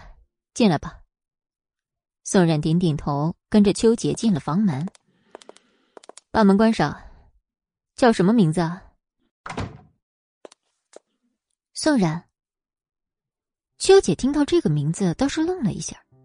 她今天来安排签约的有两个人。宋冉他是知道的，莫千行介绍过来的人，他本来以为怎么都会让他等到今天下班，可能也会见不到人，或者说整个人都会是一副高傲到头抬到天上去的架势，就跟刚才那个差不多。秋姐怎么都没想到宋冉竟如此平和。不过好在秋姐也是见过世面的人，很快就把自己的情绪平复下来。他看了一眼宋冉，把自己手里的合同递了过去。这是合同，具体的事情，你的律师已经跟我聊过了，你可以拿回去看看，或者直接签字也可以。宋然点了点头，直接拿起笔签了字。秋姐的眼睛眨了眨，倒是没说什么，反而是宋冉自己，签了字之后开口说道：“合同的电子版我已经看过了。”秋姐点点头，面上没什么表示。心里倒是对他有一种欣赏的态度。这小姑娘看上去没什么架子，可心里却把所有的东西都搞得清清楚楚，而且还会做事、会说话，是个能够培养起来的人才。以后我是你的执行经纪，今天晚上有个酒会，一起来参加吧，里面会有不少以后需要认识的人。宋冉点点头，表示自己知道了。宋冉刚刚从办公室里出来，自己的手机就响了起来，来电显示是莫千行。喂，你在哪里啊？莫千行的声音里难得的带了一点委屈，听上去整个人像是一个没长大的孩子一样。宋冉刚刚有了这个想法，就立刻被自己掐灭。开什么玩笑？莫千行是孩子？他疯了吗？宋冉让自己的心情平复下来，然后开口说：“我在公司这儿，你不是还让律师告诉我今天要签合同吗？”莫千行看着自己桌上清一色的白粥，还有不远处不知在做什么的思慕。那你什么时候来医院看我？宋冉脑门上划过无数个问号。思慕不是去了吗？可是我……电话那边的莫千行还要多说些什么？这边宋冉的手机已经再度响了起来，宋冉皱了皱眉头。医院里面有医生，要是你有什么事儿的话，就让思慕去叫医生。我还有事儿，先挂了。宋冉因为是一个新人，刚刚签约，却被拉进公司里面的群，免不了要经过一段时间熟悉一下业务。他现在可是很忙的。另外一边，医院里面。刚刚被挂了电话的莫千行看着自己手上已经黑屏的手机，皱了皱眉头。思慕，思慕现在可以说是真的随叫随到。猛然间听到莫千行这么叫他的名字，整个人身上的汗毛就差没竖起来了。老大，我……你说，他以后是不是都会这样了？思慕表示自己有点接受不了，自己的老大现在看上去怎么这么委委屈屈的，整个人像小娘子一样，是他的错觉吗？老大，我……你说，要不然让他不要去工作好了。行了，思慕知道他们家老大在说谁了。那个老大，不是，宋小姐不是住在你家里吗？你担心这么多做什么呢？思慕本来以为自己话说完之后，他们家老大就会开心起来，自己就已经功成名就了。才五十二集。只是很明显，思慕是小瞧自家老大了。莫千行摸到自己的手机，一副小媳妇儿的样子。你不懂。思慕无奈的抚抚额，是，他的确是不太懂现在。不过思慕突然间想到一件事儿：老大，今天晚上玉华娱乐公司有一个酒会，你要不要参加？还不去备车？莫千行没好气的看了一眼思慕。他现在整个人正发着烧，轻度肺炎，还要去参加酒会，自己这个下属是不是没带脑子来啊？思慕跟莫千行这么久，知道他是想要说什么，但是思慕想要表达的重点不在这儿。思慕继续说：“宋小姐是玉华娱乐公司新签约的艺人，今天晚上的这种场合，肯定也是要去参加的。老大，还不去备车？”思慕摸了摸自己的鼻子。俨然是一副很无辜的样子，他们家老大还真是善变。晚上，宋冉从车上下来，他穿着一身银色的礼服，不算是多亮眼的礼服，落在宋冉的身上却是别有一番风味。宋冉今天是作为一个新人，他的本意是不要太过亮眼就好。宋冉进到酒店，拿起一杯酒，开始四处搜寻齐军的身影。他不是说要来吗？还说有什么惊喜？怎么现在看不到人了？秋姐这个时候走了过来，拉着宋冉的手，整个人很亲昵的样子。宋冉，这个是王先生，大制片人，你们认识一下。宋冉看着油光满面的王先生，心里面倒有点清楚，为什么秋姐要说是大制片人了。不过不管怎么样，宋冉还是伸出去自己的手。你好，王先生。王先生笑眯眯的跟宋冉握手，只是，如果宋冉没感觉错的话，这王先生正在用自己的手指甲蹭宋冉柔软的手心。宋冉的眉头几乎一瞬间就皱了起来，他刚想说什么的时候，那边台上的大屏幕突然间亮了起来，整个酒会也随之暗了下来。台上的一束光打起，台上站着的人赫然就是宋冉从进来就一直在找的齐军。齐军现在在台上拿着话筒，今天穿了一身西装，整个人看上去倒是一副很正经的样子，有点帅气。只是宋冉着实有点不明白，齐军现在在台上耍宝是什么情况？亲爱的各位来宾，大家晚上好，欢迎来到玉华娱乐公司一年一度的酒会。今晚注定是一个不平凡的夜晚，让我们一起来欢呼吧！宋冉还在疑惑时。宋冉身后那个王老板陡然间蹭了过来，宋冉这才想起自己的手还和王老板交握着，他刚想转身，就感觉王老板已经裹住他的腰，整个人附在他的脖子上，狠狠吸了一口，真香啊！宋冉的眼睛都快充血了，奈何男人的力气太大了一点你别动，你想火吗？陪我一晚，我手上的这个项目就给你。你在说什么？我听不明白。你快点放开我，要不然我就报警了。男人听见这句话，反而异常兴奋起来。还装什么呀你？来到这里，你不就是想要钓凯子的吗？反正这里也没人，不如……男人的手越发用力，甚至有隐隐向下的趋势。要不是因为这里是酒会，这么多人看着，宋冉真想回头给他一巴掌。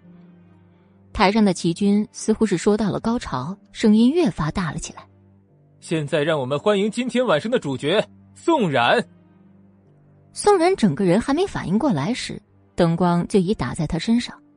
王老板果然是见过大场面的人，第一时间已松开了宋冉，只留宋冉一个人站在原地。灯光下只有他一个人，还有台上的齐军，这个氛围似乎刚刚好。台上的齐军再度开口：“宋然。”酒会的所有人都安静了，原本还有着喧闹声，现在一瞬间全部消失。莫千行刚从车上下来，推开酒会大门时，看见的就是这幅场景。该死的！莫千行磨了磨自己的牙，他要是再晚来两步。这个狗男人是不是连婚都要一起求了？莫千行只要一想到齐军有可能向宋冉求婚，他就觉得一阵又一阵的咬牙切齿。他拍了拍自己的手，酒会上的人都被莫千行吸引去了注意力。齐先生这是在做什么呢？为我们大家表演节目吗？齐军皱了皱眉头，原本这么好的气氛，全都被莫千行破坏了。反观莫千行，还一副浑然不知的样子，冲着思慕挥了挥手。思慕立即知晓，然后打开音箱，音乐的声音立即传了出来。很好，这下酒会的气氛变得越发奇怪了。等到齐军反应过来时，宋冉已经被莫千行拉走了。宋冉今天晚上穿的高跟鞋不算特别高，但是说实话也不算矮，尤其是现在莫千行这么生气。整个人走得那么快，宋然只觉得自己的脚马上就要扭了。莫千行，莫千行，你松开我！松开！莫千行猛然松开宋冉的胳膊，宋冉的手重新恢复了自由。他皱着眉头，开始不停揉着自己的手腕。鬼知道刚才莫千行究竟用了多么大的力气。你疯了是吗？莫千行笑了。他猛地用力，然后整个人把宋冉压在车窗上。你刚才跟我说什么？莫千行，你疯了是不是？你放开我，听见没有？莫千行身上的力气一瞬间蹦了出来，他用力握住宋冉的胳膊，压在车窗上，让宋冉整个人毫无反抗能力。宋冉，刚才如果我不去，你会怎么样？你在说什么？我在说什么？哼。莫千行真的要被气笑了。齐军刚才究竟想干什么？估计在场的人都知道。莫千行不知道，宋冉是真不知道，还是在装蒜？五十三集，莫千行看起来是真的气急了，马上就准备低下头的瞬间，宋冉拼命的挣扎。你，莫千行，你疯了！这里是停车场。莫千行勾了勾嘴角，整个人看上去样子多多少少有些可怕。宋然抿了抿唇，却想不到莫千行淡淡勾唇说道：“我的确是疯了。”说完就准备低头亲吻宋然。宋然已经感觉到自己的衣领正被莫千行撕扯，脸色变得很是难看。他想也没想，一巴掌就扇了过去。啪的一声，不仅是莫千行。宋然也整个人愣住了。我，宋然有些局促，他其实本意不是这样的。就在两个人的气氛略微有些僵硬的时候，齐军一把把宋然拉到自己身后，整个人俨然呈现出一副护着宋然的态度。莫千行看着他们两人，猛然勾了勾嘴角。齐军开口说道：“莫总。”今天这样的场合，你不应该来的。我不应该来，你应该来，拖着一个残废的身体来这种娱乐场合找晦气。宋千行的话确实有点过分了。宋冉皱了皱眉头，从齐军的身后走出来，看着莫千行。莫千行，你够了。我够了。我看你是忘了自己的身份了吧？莫千行，我什么身份？不需要你来告诉我。还有，你现在不能继续威胁我。莫千行看着宋冉坚决的样子，整个人身体里的怒火只觉得一阵阵的上扬。看着他们两个的样子，像是在看待一对狗男女一样。宋冉看到莫千行的眼神，虽心里有些害怕，但他还是挺直自己的腰板。自己现在不再是以前那个宋冉了。他们两个人之间虽有了那么多的纠缠，但宋冉并不认为自己欠莫千行什么东西。就在氛围逐渐僵化时，突然间，一个靓丽的女声响了起来。宋冉还没反应过来时，就看见这女人直接揽住莫千行的胳膊，两人看上去十分亲密的样子。宋冉皱了皱眉头，这个女人着实有些眼熟啊，这不是他今天在办公室里面看见的那个女人吗？叫什么？既然。既然挽住莫千行的胳膊，眼神当中略带挑衅的看了一眼宋冉。刚才在宴会里面的事儿。既然可是看得分明，这女人看起来像是个锅包菜一样，可谁想到竟然这么有手的。既然靠在莫千行的身上，千行，你不介绍一下吗？莫千行皱着眉头看了一眼季然，其实实话实说，他不太认识眼前这个女人，只是他们两个人现在呈现出一副这么亲密的样子，但宋冉偏偏还站在原地。活像是一点也不在乎的样子，莫千行的眉头一瞬间就皱了起来。只是还不等莫千行介绍，那边的齐军已经开了口：“你好，我是齐军，这是宋冉，我的。”齐军说这句话的时候，低头看了一眼宋然，眼睛里面都是温柔的神色。我的女朋友。宋然愣了一愣，然后抬头看着齐军的一瞬间。齐军拉住宋然的手，神色之中都是温柔的样子。那边的莫千行眼神之中都是暴怒的神色，既然却是拉住了莫千行的手，然后温柔的看着他们两个人。我也自我介绍一下吧，我叫季然，你们应该也认识我。既然是最近正在大火的女明星，只是齐军耸了耸自己的肩膀。他确实是不认识既然是谁，不过现在的这个状况，该给的面子还是要给的。你和莫总是？既然抬头温柔的看了一眼莫千行，整个人一副十分娇羞的样子。他的这副样子虽然没说话，却只是一个眼神就已经说明所有的事情。宋冉在心里不禁感叹：果然是当红女明星啊，还真是厉害的很。时间不早了，不知道宋小姐跟齐先生要去哪儿啊？要带他去吃晚餐，在这里吃的不是很开心。怎么了？今天晚上齐先生排场这么大，宋小姐还不开心啊？是因为什么呀？既然这番话明显是说给莫千行听的，果不其然，他的话说完之后。莫千行能够感觉到他的青筋爆了出来，只是他果然是个生意人，脸上没有任何表现。宋冉听到既然这番话，也没过多解释，只是看着莫千行勾勾唇角。时间不早了，莫先生，你还是赶紧带着既然小姐回去休息吧，注意身体，不要太劳累了才是。宋冉的话中很明显带着讽刺的意味，不过话里话外都在说莫千行这次生病是纵欲过度的后果。莫千行勾了勾自己的嘴角，越发生气了起来，同时不住的在自己心里替宋冉点赞：“很好。”莫千行一句话也没有说，扭头就走了。既然被他猛然间的转身吓了一跳，他根本没反应过来，整个人差点倒在地上。只是他到底是一个明星，很快就反应了过来，然后冲着宋冉笑了笑，立刻小跑跟着莫千行走了上去。千行，千行，你怎么了？走这么快做什么呀？我都跟不上你了。身后既然叫喊的声音越发大了起来，只是不管既然怎么叫喊，莫千行却一句话也没有说，然后打开自己的车门，在他刚准备坐进去时。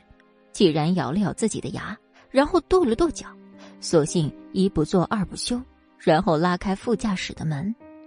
只是在既然拉开副驾驶门时，莫千行这时却扭头看了一眼既然，既然察觉到莫千行的眼神，立刻就转换成了一副十分娇羞的样子。千行，你……莫千行两步走过来，一把握住季然的胳膊。季然看上去一副十分娇羞的样子下，一把甩开了他的手。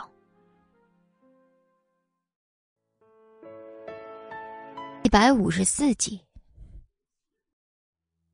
季然整个人都愣住了。外界传闻莫千行不是一个好惹的角色，他本来还不相信，更何况他们两个人刚才明明一副那么亲密的样子，这个人怎么能说翻脸就翻脸了呢？只是莫千行却是甩开他之后，转身就准备上车，丝毫没有给出要任何解释的意思。既然皱了皱眉头，不知死活，一把拉住莫千行的胳膊。莫千行，你这是什么意思啊？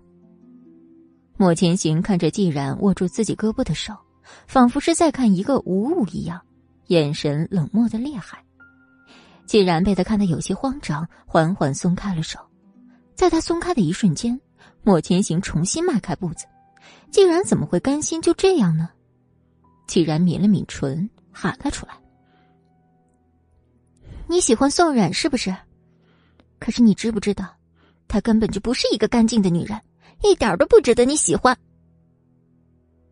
莫千行听到这句话，眼神一瞬间暗淡下来，扭头的一瞬间，季冉的眼里满满都是亮光，只是莫千行却毫不犹豫握住他的下巴，用足了力气。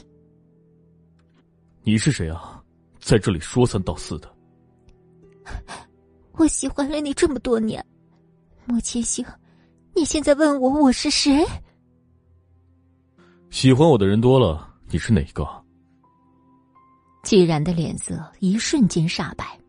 以后别再来这里烦我，也别出现在他的面前，不然有你好看的。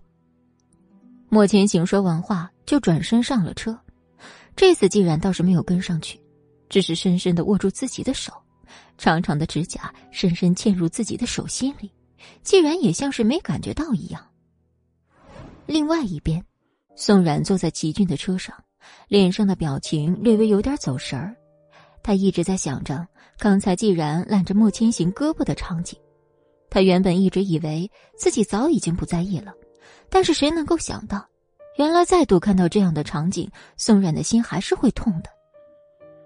齐军把车子停下，看着宋冉的表情，略微皱了皱眉头，然后晃了晃宋冉，一瞬间把自己的表情调整到最好。冉冉，到家了，回去吧。宋冉看了一眼，果然是到了自己家附近。他点了点头，接着就准备开车门下车时，齐军拉住他的手，在宋冉疑惑的表情下笑了笑：“冉冉，要注意安全呢。”宋冉点点头，表示自己知道了，然后转头就走。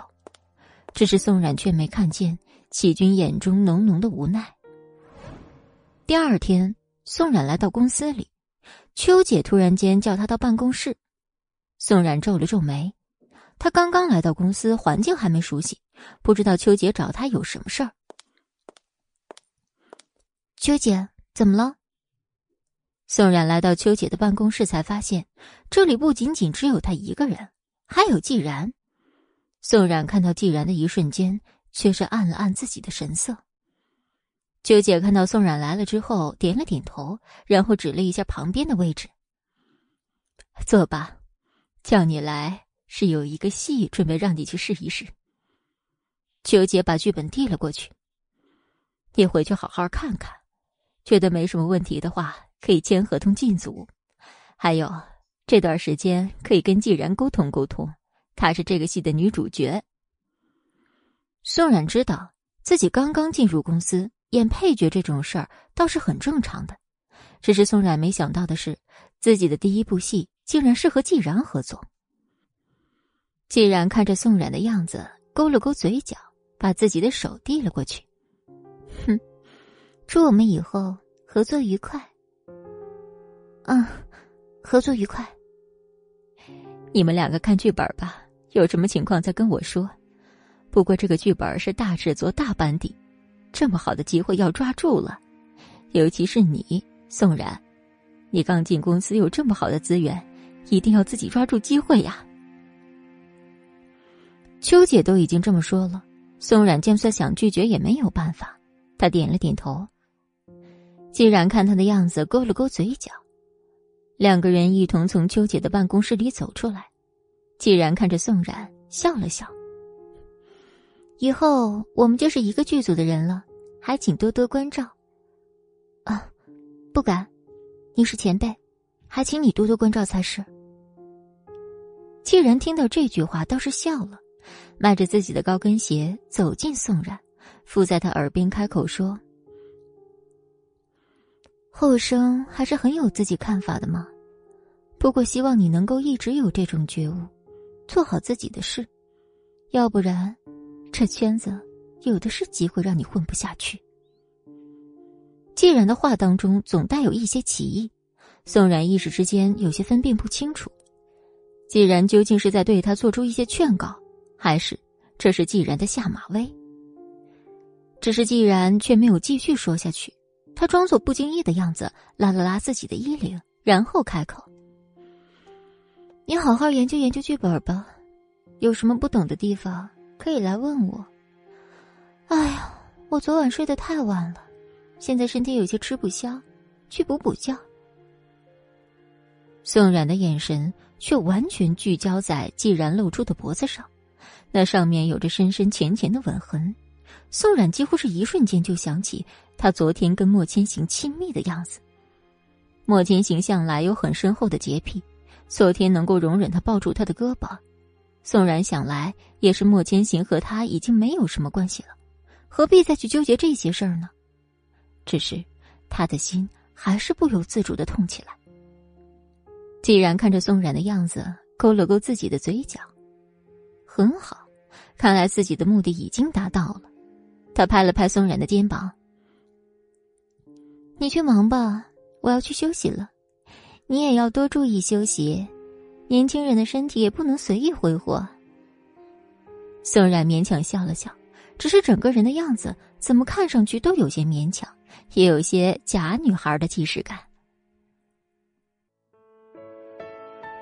五十五集。另外一边。莫千行在病房里，之前的时候他受了院，但医生对于他这种身体没好就跑出去玩耍的举动表示非常不满意。这个时候，思慕走了进来，把手上的手机递到莫千行的怀里。莫千行皱了皱眉头，表示对思慕的不解。思慕犹豫了一下，开口说：“莫总，宋小姐已经进组了，明天应该就会离开。”知道了。思慕抿了抿唇，犹豫了一下，他也不知道自己如果不把这消息说出来，他们家莫总会不会有杀了他的想法。莫总，宋小姐的剧组里面有蒋平安小姐，还有梁清柏。梁清柏，他不在国外好好待着，回来干什么？思慕听见莫千行的话，一时间倒是不敢多说什么。梁清柏是和宋冉一个大学的学生。只是梁清柏比宋冉大一届。莫千行之前跟宋冉在一起时，他曾经还委婉的表达过自己对于宋冉的爱意，只是后来似乎是意识到自己机会不太大，所以出国了。至于蒋平安小姐，这件事情就越发的棘手起来。蒋家是个大家族，这位小姐又是嫡长女，一心喜欢莫千行，莫家又碍于家族脸面，一直没有办法明着拒绝。原本他因为要去深造，所以莫总总算是清静了一会儿。只是现在，他们几个人竟然都聚到了一起，莫千星的眉头皱得更厉害。宋冉在哪里？宋小姐已经签约了，现在应该是在家里。备车，我要去她家里。医生刚才才来过，对于莫千行这种无缘无故离开病房的事情表示非常不满。思慕现在可是有些慎重。毕竟，不管怎么样，所有的事情都要建立在莫千行身体健康的基础上。只是莫千行一个眼神扫过去，思慕选择了闭嘴，立刻出去备车。莫千行很快到了宋冉门口，想也没想就开始砸门。屋子里的宋冉正在收拾自己的东西，这是他第一次跟组拍戏，所以这一切还是有些新鲜的。突然听到有人拍门，宋冉皱了皱眉头：“谁啊？”宋冉刚把门打开，莫千行就闯了进来。莫千行，你来做什么？现在的宋冉，只要一看到莫千行，就自然而然的想起之前的季然。他眉头皱了皱，莫千行却整个人十分自然的样子，坐在沙发上。明天的戏你不用去了。为什么？莫千行，你又抽什么风啊？我说你不用去了。宋冉却是不在意的轻斥了一声，然后继续蹲下身体收拾自己的东西。莫千行看宋冉的样子，心里突然有点不舒服。他什么时候这么不被人当成一回事了？宋冉，我……这时，宋冉的手机响了起来。宋冉瞥了一眼莫千行，然后接通了手机。莫千行却是把自己的耳朵完全竖了起来，俨然一副在偷听他们说话的样子。清柏师兄，你回来啦？嗯，对，我要去拍这部戏，我演女二。你是男二吗？真的吗，清白师兄？宋冉整个人的脸上就差没张扬起来了。莫千行看宋冉脸上的笑容越发难受，偏偏宋冉像是没看见一样，整个人看上去十分兴奋。真的吗，清白师兄？可以呀。我有时间，你定个时间地点，我去找你就好了。这一下子，莫千行是彻底待不住了。行了，这下他们两人竟然还要见一面，出去吃饭。莫千行抿了抿唇，想也没想，拿过宋冉手里的手机，接着摁下了挂断键。电话那边的梁清白听着毫不留情的挂断声，无奈的笑了笑。这样看来，莫千行这个人还是跟以前一样小气。宋冉看着莫千行拿着自己的手机，还那么坚决果断就挂断的样子，整个人差点没炸了。莫千行，你神经病啊，是不是？莫千行听着宋冉的话，一瞬间笑了。他步步逼近宋冉，一直到宋冉的后背已经完全贴上了墙壁。宋冉。你是不是忘记了自己的身份了，莫千行？我不欠你的。莫千行听了这番话，陡然间笑了起来，他抵住宋冉，附在他耳边。可是宋冉，你有没有听说过一句话，叫做“父债子偿”？莫千行，你现在就是个神经病，我不想理你。莫千行笑了。大手在宋冉的身上动了动，宋冉的外套就已潸然落地。宋冉，你早就该认清楚你自己的身份的。你不，宋冉所有的挣扎都被莫千行吞吃入腹。宋冉再度醒过来，已经是四个小时之后，身边的男人似乎睡得十分熟练。宋冉叹了一口气。他本来早就已经做好永远不再搭理莫千行的准备，要跟他划清界限，只是好像每次都会心软。这时，莫千行似乎是感觉到他已经醒了，拍了拍他的手：“醒了。”宋冉没好气的拍了他一下：“你没事的话，就赶紧回自己家里去吧，别在我这儿待着。”生气了。宋冉表示自己并不想搭理莫千行。莫千行倒也没有继续逗宋冉，他握紧宋冉的手，声音低沉：“别去和梁清博说话，他不是什么好人。”“哼，清柏师兄那么好的人，在你这都不是什么好人了，那这个世界上可能就没有好人了。”百五十六集，莫天星怎么会听不出宋冉口中的讽刺？他还想要再多说些什么的时候，宋冉已经穿好了自己的衣服。你要是再不离开，我就要叫警察来了，说你私闯民宅。宋冉的样子丝毫看不出是开玩笑的。莫千行举了举自己的手，表示自己知道了。在莫千行推门走出去之后，宋冉才算是松了口气。思慕一直在车子上等着，看着自家 boss 出来以后，他的眼中闪过一闪而过的诧异，不过倒也没多说什么。去和投资方商议，这部戏我要投资。司慕犹豫了一下，对于莫千行这个决议有些意外。不过仔细想一想，这部戏里面梁清白演男二和宋小姐的对手戏肯定不少，莫总怎么会容忍这种情况发生呢？这样子想的话，思慕倒是觉得这件事儿。还是可以介绍的。知道了。第二天，众人已经来到了剧组，照例是彼此熟悉一下，然后由王导做主，大家都来到酒店准备吃第一顿饭。在吃饭之前呢，我还要给大家介绍两个人。这两个人在之前的时候也是风生水起的人物。宋然眨了眨自己的眼睛，王导话音刚落，从屋子的后面走出来两个人。女人踩着高跟鞋，微卷的卷发显示出御姐的气息，整个人美的宋冉都有些怔愣了。她原本以为既然已经很好看了，只是现在看来还真是人外有人，天外有天啊。而另外一个人，宋冉却再熟悉不过。梁清柏跟之前的样子似乎变化不大，整个人身上的气质还是那么温润如玉。他看着宋冉的眼神之中还是那么温柔。梁清柏看着宋冉愣神的样子，笑了笑，迈步走了过来，摸了摸他的脑袋。怎么了？不认识我了？众人都没反应过来这是什么情况，他们两个人怎么看上去这么亲密的样子？宋冉却是已经红了脸，倒是没有男女之间的那种情愫，只是对于自己刚刚那么失礼，有些不太好意思。清柏师兄。我怎么会不认识你呢？梁清柏这才笑了笑，然后拉着宋冉旁边的椅子坐下。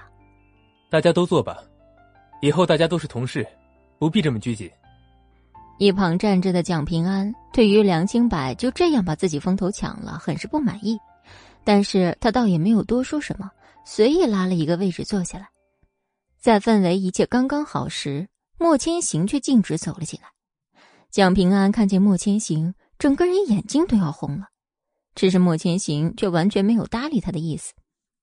莫千行看着众人笑了笑：“不好意思啊，我来晚了。”莫千行已经这么说了，其他人哪还敢多说什么呀？莫千行笑了笑，然后径直走到梁清白和宋冉中间。“不好意思啊，能不能在这里给我留一个位置出来呢？”场上的众人一度尴尬的不成样子，至于蒋平安就越发尴尬了。他刚才还准备起身让座给莫千行，谁知道人家连看都没看他一眼。只是梁清白也不是什么好对付的人，他笑了笑，站起身看了一眼莫千行。莫总，这里这么多空位置，你又何必夺人所好呢？哦，夺人所好。梁清白的手十分自然的揉了揉宋冉的头，是个人都能看出他们两人之间的关系一定十分熟稔，不然的话肯定是做不出这样的事的。而莫千行的眼神也随着梁清白的手暗淡了下来。是啊，实不相瞒，我刚从国外回来，这么久没有见到我的小师妹了，自然是要叙叙旧的。莫千行笑了笑，还想多说些什么时。一旁已经看了很久的蒋平安从自己位置上坐起，然后挽住莫千行的胳膊。莫哥哥，你去我那儿坐吧，我们也很久没见面了，我有很多事情要跟你说，而且我爸爸也很久没见你了，他也很想你。莫千行在听到“爸爸”两个字时，略微有些动容。不管怎么说，在商界上，蒋平安的父亲都是对莫家有交易的。莫千行皱了皱眉头，还是点了点头。宋然感觉到莫千行跟蒋平安去了一旁坐下以后，突然间自己的心有些空落落的，一时之间有些慌神儿。梁清柏向来是一个温柔到极致的人，怎么可能看不出宋冉的失魂落魄？他眉眼略微有些暗淡。他原本以为过了这么久，宋冉已经放下莫千行，只现在看来。他们两人之间还是有着无法名状的气氛。梁清白把自己的情绪隐藏了起来，然后夹起一块肉放到宋冉碗里。你以前不是最喜欢吃这个了吗？以前还总是怪食堂里面卖的太快了，现在没有人跟你抢了，怎么还反而不爱吃了呢？宋冉笑了笑，刚想吃的时候，那边的莫千行已经不轻不重的发声了：“人的口味是会变的，以前喜欢的，现在可不一定喜欢了。太久没有见面，很多事情还需要重新考虑考虑。”莫千行明显话中有话，梁清柏却是笑了笑，并没有太把莫千行的话放在心上。没有关系，正好我这次回国，有在这里长期居住的打算。看冉冉想要吃什么，我们两个可以一起去试一试。也要问过别人的意见吧。蒋平安看着他们两人你来我往的样子，一时之间有些摸不清头脑，然后他把自己的手里橙汁递了过去。莫哥哥，给你喝橙汁。这一幕。自然是落入了宋冉的眼中，他皱了皱眉头，然后开口说：“好呀，这里好像是开了一家新店，有空的时候我们可以去尝一尝。正好我也不知道你是不是在国外待久了，都把这儿的味道忘记了。”十七集，宋冉的样子很是温柔，梁清白本来就是一个很温柔的人。这样子却变得越发温柔了起来，他笑了笑。好呀。唯有对面的莫千行在听到这句话的时候，周身的气氛一瞬间降到零点。蒋平安看着他们三人的样子，略微缩了缩自己的瞳孔，眼神之中满满都是打量。一顿饭终于在几个人心怀叵测之中结束了。景平安一把拉住莫千行的胳膊，然后笑了笑。莫哥哥，时间不早了，你送我回去吧。莫千行的眼睛却直勾勾看着宋冉，似乎想要知道他的想法一样。只是宋冉的眼睛里却好像只有梁清白。他温柔的笑笑，开口说：“师兄，学校那边改变还是挺大的，老师经常提到你。真的吗？是不是在背后说我不知道回去看看，骂我没良心？”宋冉成功被逗笑了，只是他的笑容落在莫千行的眼睛里，却是各种各样的让人不满意。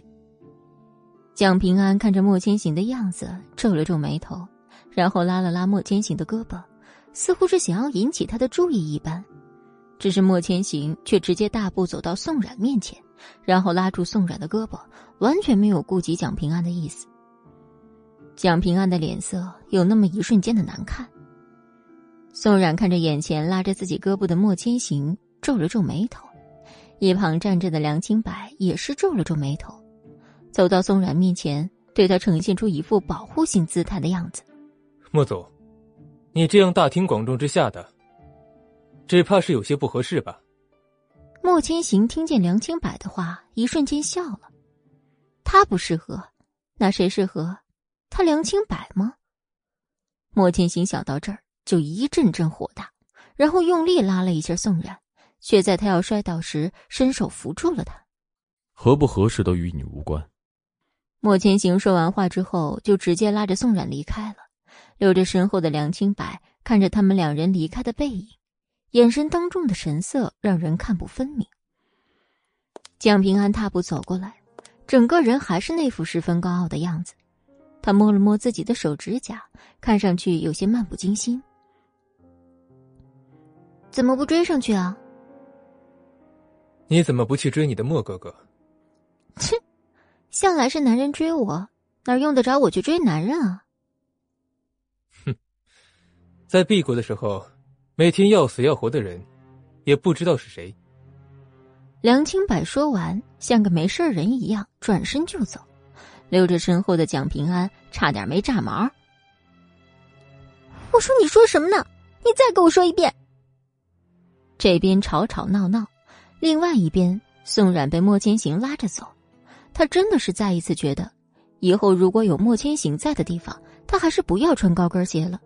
就像现在一样，莫千行说是送他回去，实际上完全是拉着他硬走，步子迈得很大，完全没有顾及他的意思。莫千行，莫千行，你停下来，停下来！宋冉的话刚刚说完，莫千行猛然间停下来。宋冉没反应过来，整个人猛然间转上了莫千行的后背。哎，我。莫千行回头看了宋冉一眼，宋冉抿了抿唇，硬是把自己的哀嚎咽回肚子里。莫千行看着眼前电梯上闪亮的红色数字，心里一阵又一阵的烦闷，终究还是忍不住开口：“你和那个梁清博很熟吗？”莫千行问的简直就是废话。宋冉和梁清博两人是校友，而且之前梁清博几乎第一次出现时，莫千行就已经把梁清博的老底儿翻了出来。现在还在这装糊涂。只是宋冉点了点头，完全没有感觉到莫千行的不满。他是我师兄，我们关系还挺好的。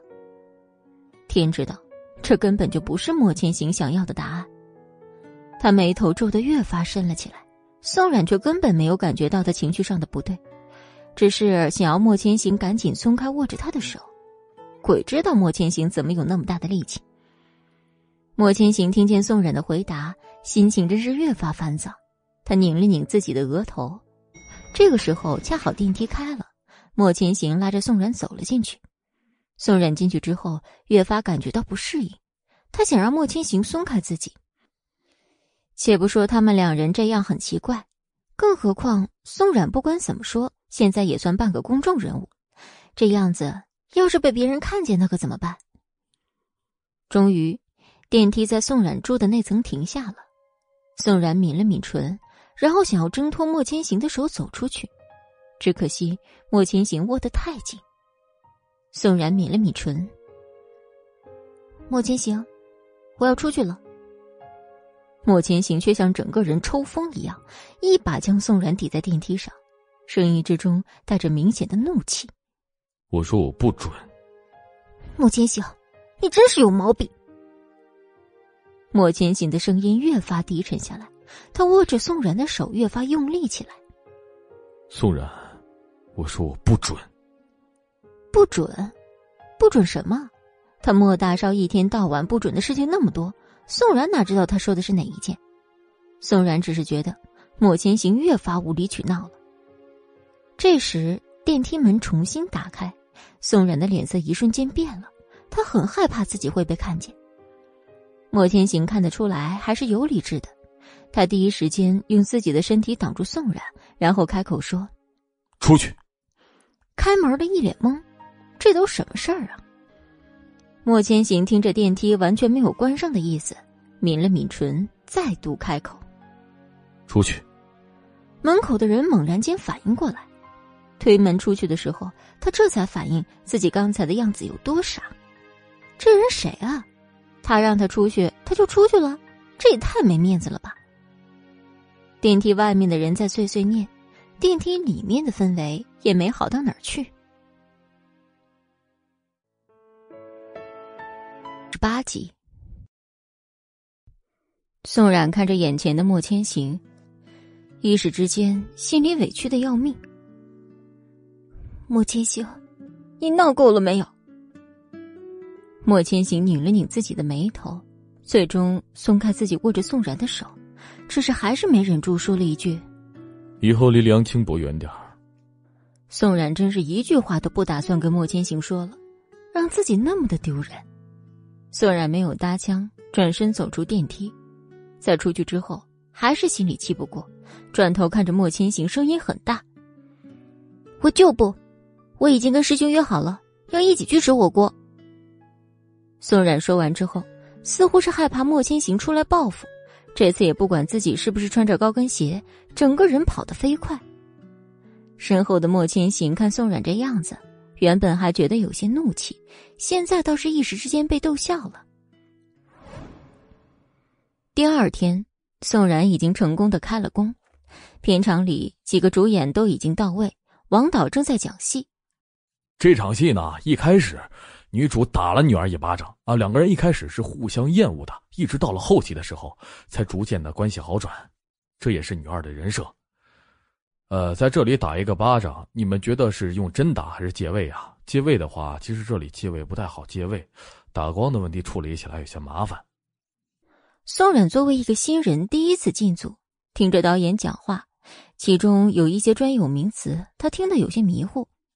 一旁一直听着的季然听到这儿，勾了勾嘴角，然后一副跟宋冉十分熟念的样子，开口说：“王导，既然打光的问题处理起来这么困难，那不如就真打吧。我怎么说也拍过不少戏，力度还是能控制住的。”宋冉啊。你觉得呢？啊，哦哦，好。宋然抿了抿唇，这时在说什么都没用处了吧？只能点点头。既然听到宋冉这句话，勾唇笑了笑，满眼都是浓浓的算计。几个主演都已经准备好了，戏很快就开拍了。既然扮演主角，这是一个女强人类型的角色，她和女二两个人本身相互不对盘。女二一开始时角色很不讨喜，但其实这个角色如果演好，还挺吸粉的。王导打了板，几人立刻进入状态。实话实说，宋冉第一次拍戏，看上去状态确实不如既然进入的快，而且整个人的风头完全被碾压过去。好在既然是女主，所以这样看起来倒没有什么奇怪的，只是女二的状态看起来没有达到王导的心理预期。他眉头皱得很深。你以为你这样做了之后就会有什么好处吗？宋冉勾了勾嘴角，只是笑容略微有点尴尬。我做了我想做的事儿，也做了我本就该做的事。宋冉演的这个角色，踩着高跟鞋走进季然，附在他耳边，整个人看上去很恶毒的样子。怎么？你不服气呀？不服气你也只能受着，一直到你被赶出公司。既然听到宋冉的话，勾了勾嘴角，然后一巴掌扇了过去。宋冉不得不承认，既然这一巴掌打的力度很大，他眼前瞬间一黑。那边王导也一瞬间打了板只是莫千行这时刚好走过来，他看见宋冉红了的脸，瞬间脸色就沉了下来。莫千行还没说话，那边王导已经开始破口大骂：“宋然啊，你怎么回事啊？眼神一点也不到位！你要演的是一个恶毒的女人，恶毒，恶毒！知道什么是恶毒吗？刚才他打你的时候，你的眼神当中表达出来的是什么东西啊？宋然，你行不行啊？不行就换人。”王导平时是一个很和善的人，他发这么大火，宋冉绝对没有想到，但剧组其他人都像是习以为常一样。王导对于演戏这事儿，不管什么时候都是怀的最大的热忱。不管你是大牌还是新人，只要你不尊重这个职业，王导照胸不误。实话实说，这也是这么久以来王导的作品出来都是爆品的原因。宋然抿了抿唇，他也知道自己做的不够好，原本还很自然，到灯光之下，他就觉得自己的动作多多少少有点僵硬。对不起。我知道错了，王导。宋冉认错态度好，王导摆了摆手，一时之间也不知道该多说些什么。各部门休息一会儿，一会儿再来拍第二条。既然看着宋冉落寞的样子，笑了笑，然后走到他身边，若无其事的样子。冉冉，不用这么伤心，第一次嘛，难免会这样。不过。这种事儿多多少少还是要看天赋的，如果不合适的话，其实还是趁早离开的好。宋冉的眼眶一瞬间红了，不是因为季然的话，而是更多的觉得自己怎么这么没用。在这时，梁清白走了过来，他把季然搭在宋冉肩膀上的手打掉，然后揽着宋冉，看了季然一眼，眼神当中难得冷清。第一次。所有的失误都是难免的，但是，既然小姐那么有经验的一个人，做出这样的事情，不觉得有点有失水准吗？梁清白话中有话，分明在说：既然刚才打宋冉那一巴掌是用了狠劲儿，既然哼了一声，哼，有空来评价我，还是去磨练演技吧。王导可是不会丝毫留情面的。不管你是跟谁，有什么后门，又有怎么样的后台。既然说完话之后，整个人看上去多多少少有点洋洋得意的样子，宋冉的样子却难得的有些蔫了。他低着自己的头，一时之间真不知道自己应该怎样去回答既然的话。九级，莫千行这个时候大踏步走了过来，他一把握住宋冉的肩膀，俨然是一副要拉着他离开的样子。宋冉愣了愣，很明显还没反应过来。既然看着莫千行这个样子，使劲咬了咬自己的嘴唇。仿佛是他的嘴唇和自己有什么罪恶一样。既然眼看莫千行就要拉着宋冉离开，跺了跺自己的脚，一时之间也不管自己的形象了。莫千行，这儿这么多人看着，你确定你要这样拉着他离开，明目张胆的宣布自己走后门吗？莫千行停下自己的脚步，回头看着季然，眼神冰冷。既然握了握自己的手。一时之间有些后悔自己刚才的鲁莽。我，王导刚才说今天下午休息。如果这位小姐还有什么事情的话，麻烦你自己去问王导。既然这下还有什么话可说呢？莫千行冷着脸，握着宋冉的胳膊回到酒店房间。莫千行把宋冉甩到沙发上，说是甩，其实用的力气并没有很大。宋冉拧了拧自己的眉头，看得出来。是对于莫千行的行为表示自己的不满，莫千行却是猛然间笑了。宋然，你刚才在面对季然的时候，怎么没脾气了？嗯。最后一个“嗯”字，莫千行的语气真是冷到极点。宋冉终归也是有脾气的人，他抿了抿自己的唇，然后开口，略带些倔强的味道：“不用你管。”莫千行真是要被气笑了。宋冉却站起身准备离开，莫千行的眉头皱起，一把握住宋冉的胳膊：“你去哪儿啊？”我说了，不用你管。不用我管，好啊！你现在这么有骨气，怎么刚才就那样任别人欺负啊？宋冉听着莫千行的话，他当然知道莫千行说的话都是真的，只是宋冉有自己的脾气，他本来就觉得很委屈了，这下莫千行竟然还这么说话。宋然只觉得自己心里委屈的不行，我就是不要你管。宋冉的话越发带了一丝笃定，也带了一丝倔强。莫千行还想多说些什么的时候，突然感觉到自己手上带了一点水渍，他愣了愣，就发现宋冉话音中越发的带了一点哽咽的味道。你，我不要你管。宋冉再度说了一遍。然后转头准备离开，莫千行被他的眼泪弄得都没有脾气了。你要去哪儿？不要你管。宋冉现在好像只会这么一句话。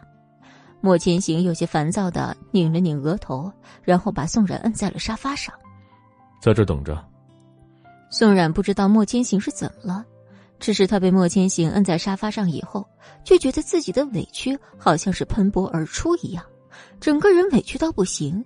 眼泪也像断了线的珠子一样，不停的往下掉。莫千行很快从屋子里出来，他从背后看见宋冉一耸一耸的肩膀，心里面一阵又一阵的无奈。他把手里的纸递过去，宋冉抽着自己的鼻子，整个人委屈的不成样子。莫千行无奈的叹口气，摸了摸他的脑袋，又把手里的东西递了过去。宋冉的眼睛里都是泪水。一时之间有些看不分明。这是什么？剧本，和你试戏。宋然抿了抿唇，抬起自己的头，他脸上的妆已经花掉，鼻子上还挂着晶莹的泪水。为什么？你现在不试戏，我可就走了。宋冉的小眼睛十分迷茫，眼睛里面都是亮晶晶的泪水。俨然一副很难过的样子。莫千行无奈：“要喝水吗？”“怎么，你不服气？不服气，你也只能这样受着，一直到你被赶出公司。”莫千行愣了一下，才反应过来，宋冉是在说他的台词。只是宋冉本身就有点软萌软萌的，加上现在眼睛里还有晶莹的泪珠，整个人看上去真的是越发委屈又可爱，让人忍不住想要搂紧在怀里欺负。偏偏他台词还这么坏，莫千行有些无奈，险些笑出声来。挺好的，再来，恶毒一点想象我是你恨透了的人。宋冉看着莫千行，吸了吸自己的鼻子。莫千行无奈。摸了摸他的头，然后给他擦了擦鼻子。开始吧。之后的时间里，酒店房间里的两人就一直在重复一样的流程。宋冉知道自己的毛病，莫千行完全可以让宋冉现在不演这部戏，重新换一部适合宋冉的戏路。但莫千行也了解宋冉的个性，如果现在不让宋冉演这部戏，宋冉只怕会比现在更加难过。酒店外面拼场上，既然握着自己的手，他脑海中不断回忆起刚才莫千行握着宋冉胳膊，头也不回的离开的样子。刚做的指甲深深嵌入自己手里，整个人身上的气氛看起来十分可怕。这个时候，蒋平安恰好从片场上下来，众人连带着导演都对他夸赏有加，不仅仅是因为蒋平安演的很好。更多的还有一些谄媚的原因在里面，毕竟蒋平安的家世可是跟莫千行有的一拼。既然看着蒋平安走过来，勾了勾唇角，递了一杯水过去。蒋小姐累了吧？蒋平安低了低自己的眼睛，俨然一副不想搭理既然的样子。只可惜，既然不大能够看得出蒋平安的意思。哎，也是。有演技的人，长得好看的人都需要努力，反而某些人花瓶也做不成，演技也没有，真不知道是怎么混进这个剧组的。刚才在这儿发生的事儿，蒋平安早就已经听说了。现在既然的这副样子，真的很像是一个告状的人，面容有点不讨喜。六十集，蒋平安对宋冉不太熟。唯一知道的事情，可能就是莫千行现在对他很在乎。蒋平安抱着看戏的心思坐在自己的位子上，一句话也没说，没有否认季然的话，也没有搭腔，这很明显就是给季然机会。季然抿了抿唇，继续开口说道：“蒋小姐应该不大看得惯这种人吧？”蒋平安勾了勾嘴角，笑容里面略微有些嘲讽的意味。他刚准备起身，既然已经再度开口：“蒋小姐是喜欢莫先生吧？”蒋平安看了一眼季然，眼神之中略微有些兴味。既然以为蒋平安是被说中了心思，他勾了勾嘴角：“我愿意跟蒋小姐联手，把宋然搞下去。然后呢，和我公平竞争。”输给蒋小姐这样的人，我心甘情愿。蒋平安勾了勾嘴角，看着季然的眼神，分明带了一点可笑的意思。正好，那边的人过来叫蒋平安去拍戏，蒋平安没有继续搭理季然，转身准备离开。季然握了握自己的手，这件事儿，蒋小姐还是好好考虑一下吧。不必了，以后这种事儿。也不用来问我了。蒋平安说完话之后就踏步离开。不管怎么样，整个人身上气质取胜，无论什么时候都不输气场。相较下来，既然倒显得有些微妙起来。既然在后面跺了跺自己的脚，日子还是要过的。第二天照常开工。宋冉在幕后收拾完出来，心里还是有些控制不住的紧张。莫千行走过来，摸了摸宋冉的脑袋。你昨天已经很好了，不用担心。宋然抿了抿唇，他其实还是有点担心。莫千行摸着他的头，就拿出来你昨天那个气势出来。嗯。宋冉一瞬间脸红了。昨天他们两人一直在练习，练习着练习着，就不由自主的有些上气，尤其是后面，宋冉整个人的气场都已经出来了。怎么？你不服气啊？不服气，你也只能这样受着，一直到你被赶出公司。我，好呀，你不服气，我就让你服气。宋冉这样子说完话之后，按照剧本是准备靠近莫千行，只是场景跟片场有些差距。宋冉想要靠近莫千行推他一下，结果却把自己绊倒了。宋冉整个人趴在莫千行身上，两人的姿势略有些难以言说。你，莫千行一瞬间搂紧了宋冉的腰，把她进一步裹向自己。嗯，怎么了？宋冉的脸红透了。后面的事情基本上就是顺其自然的发生了，只是好在莫千行心里还有数，知道宋冉今天还要拍戏，所以没有在他脖子上胡作非为。只是宋冉一想到他们两人昨晚上做的事儿，就一阵阵的脸红。莫千行却像个没事人一样，摸了摸宋冉的头：“快去吧，那边已经开拍了。”宋冉把自己脸上的红晕压下去，然后迈步走了过去。片场里面的季然还是昨天那副样子，要说有什么不同，大概是他现在越发高傲冷傲了。今天准备好了。可别让我们所有人跟着你一起受罪。不会的。王导有些担忧的看着宋冉。剧组开拍，你以为你这样做了之后有什么好处吗？我做了我应该做的事儿，也做了我想做的。无论如何，我都是问心无愧。宋冉笑了笑，她的笑容倒很惊艳，不是完全女配的感觉。带了一点高冷，带了一点冷艳，恶毒的感觉也很饱满。一时间，这个人物被演得很好，只是和他整体很搭，所以看上去让人很舒服。季然的眼神当中有一丝诧异闪过，他没有想到，明明昨天还那么差劲儿的人，怎么会演技提升的这么快？只是季然很快把自己眼中的诧异掩饰下去，然后说出自己的台词，按照原定设定。下一步的既然是准备一巴掌挥过去，然后宋冉硬生生受着，整个人都匍匐在地，这场戏就算完了。既然勾了勾嘴角，宋冉就算再有背景又能怎么办？还不是要被他打？只是既然挥手的瞬间，却怎么也没想到，宋冉握住既然抬起来的手，然后一把挥开。既然整个人还没反应过来时，脸上硬生生的遭了一下。你，我说过，我一定会让你自己坚持不住离开公司。既然整个人的眼睛里就差没喷火了，他刚要从地上爬起打宋冉，那边导演已经打了板然后走了过来。王导看来是对今天宋冉演戏的成果非常满意，拍了拍宋冉的肩膀：“宋冉，今天演的很不错呀。”宋冉笑了笑，整个人一副很谦卑的样子。只是现在的宋冉，不管是什么样，落在季然眼里都是一副很让人生气的样子。季然一下子走了过来，然后看着导演，整个人的样子用怒气冲冲来形容，真是一点都不为过。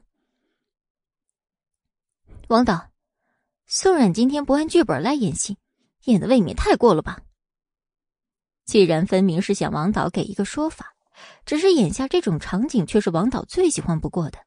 他一向喜欢自己的演员能够松弛一点，而且这部戏里的女二跟女主之间的界限本来就很小，王导本来也没太在意这种事儿。今天宋然表现的这么好，王导就更加高兴了。剧本超脱于现实，演戏带入情感啊，可以理解，嗯，可以理解。行了，今天的戏就拍到这里，大家都回去休息吧。宋然，好好加油啊！宋冉微笑着点了点头，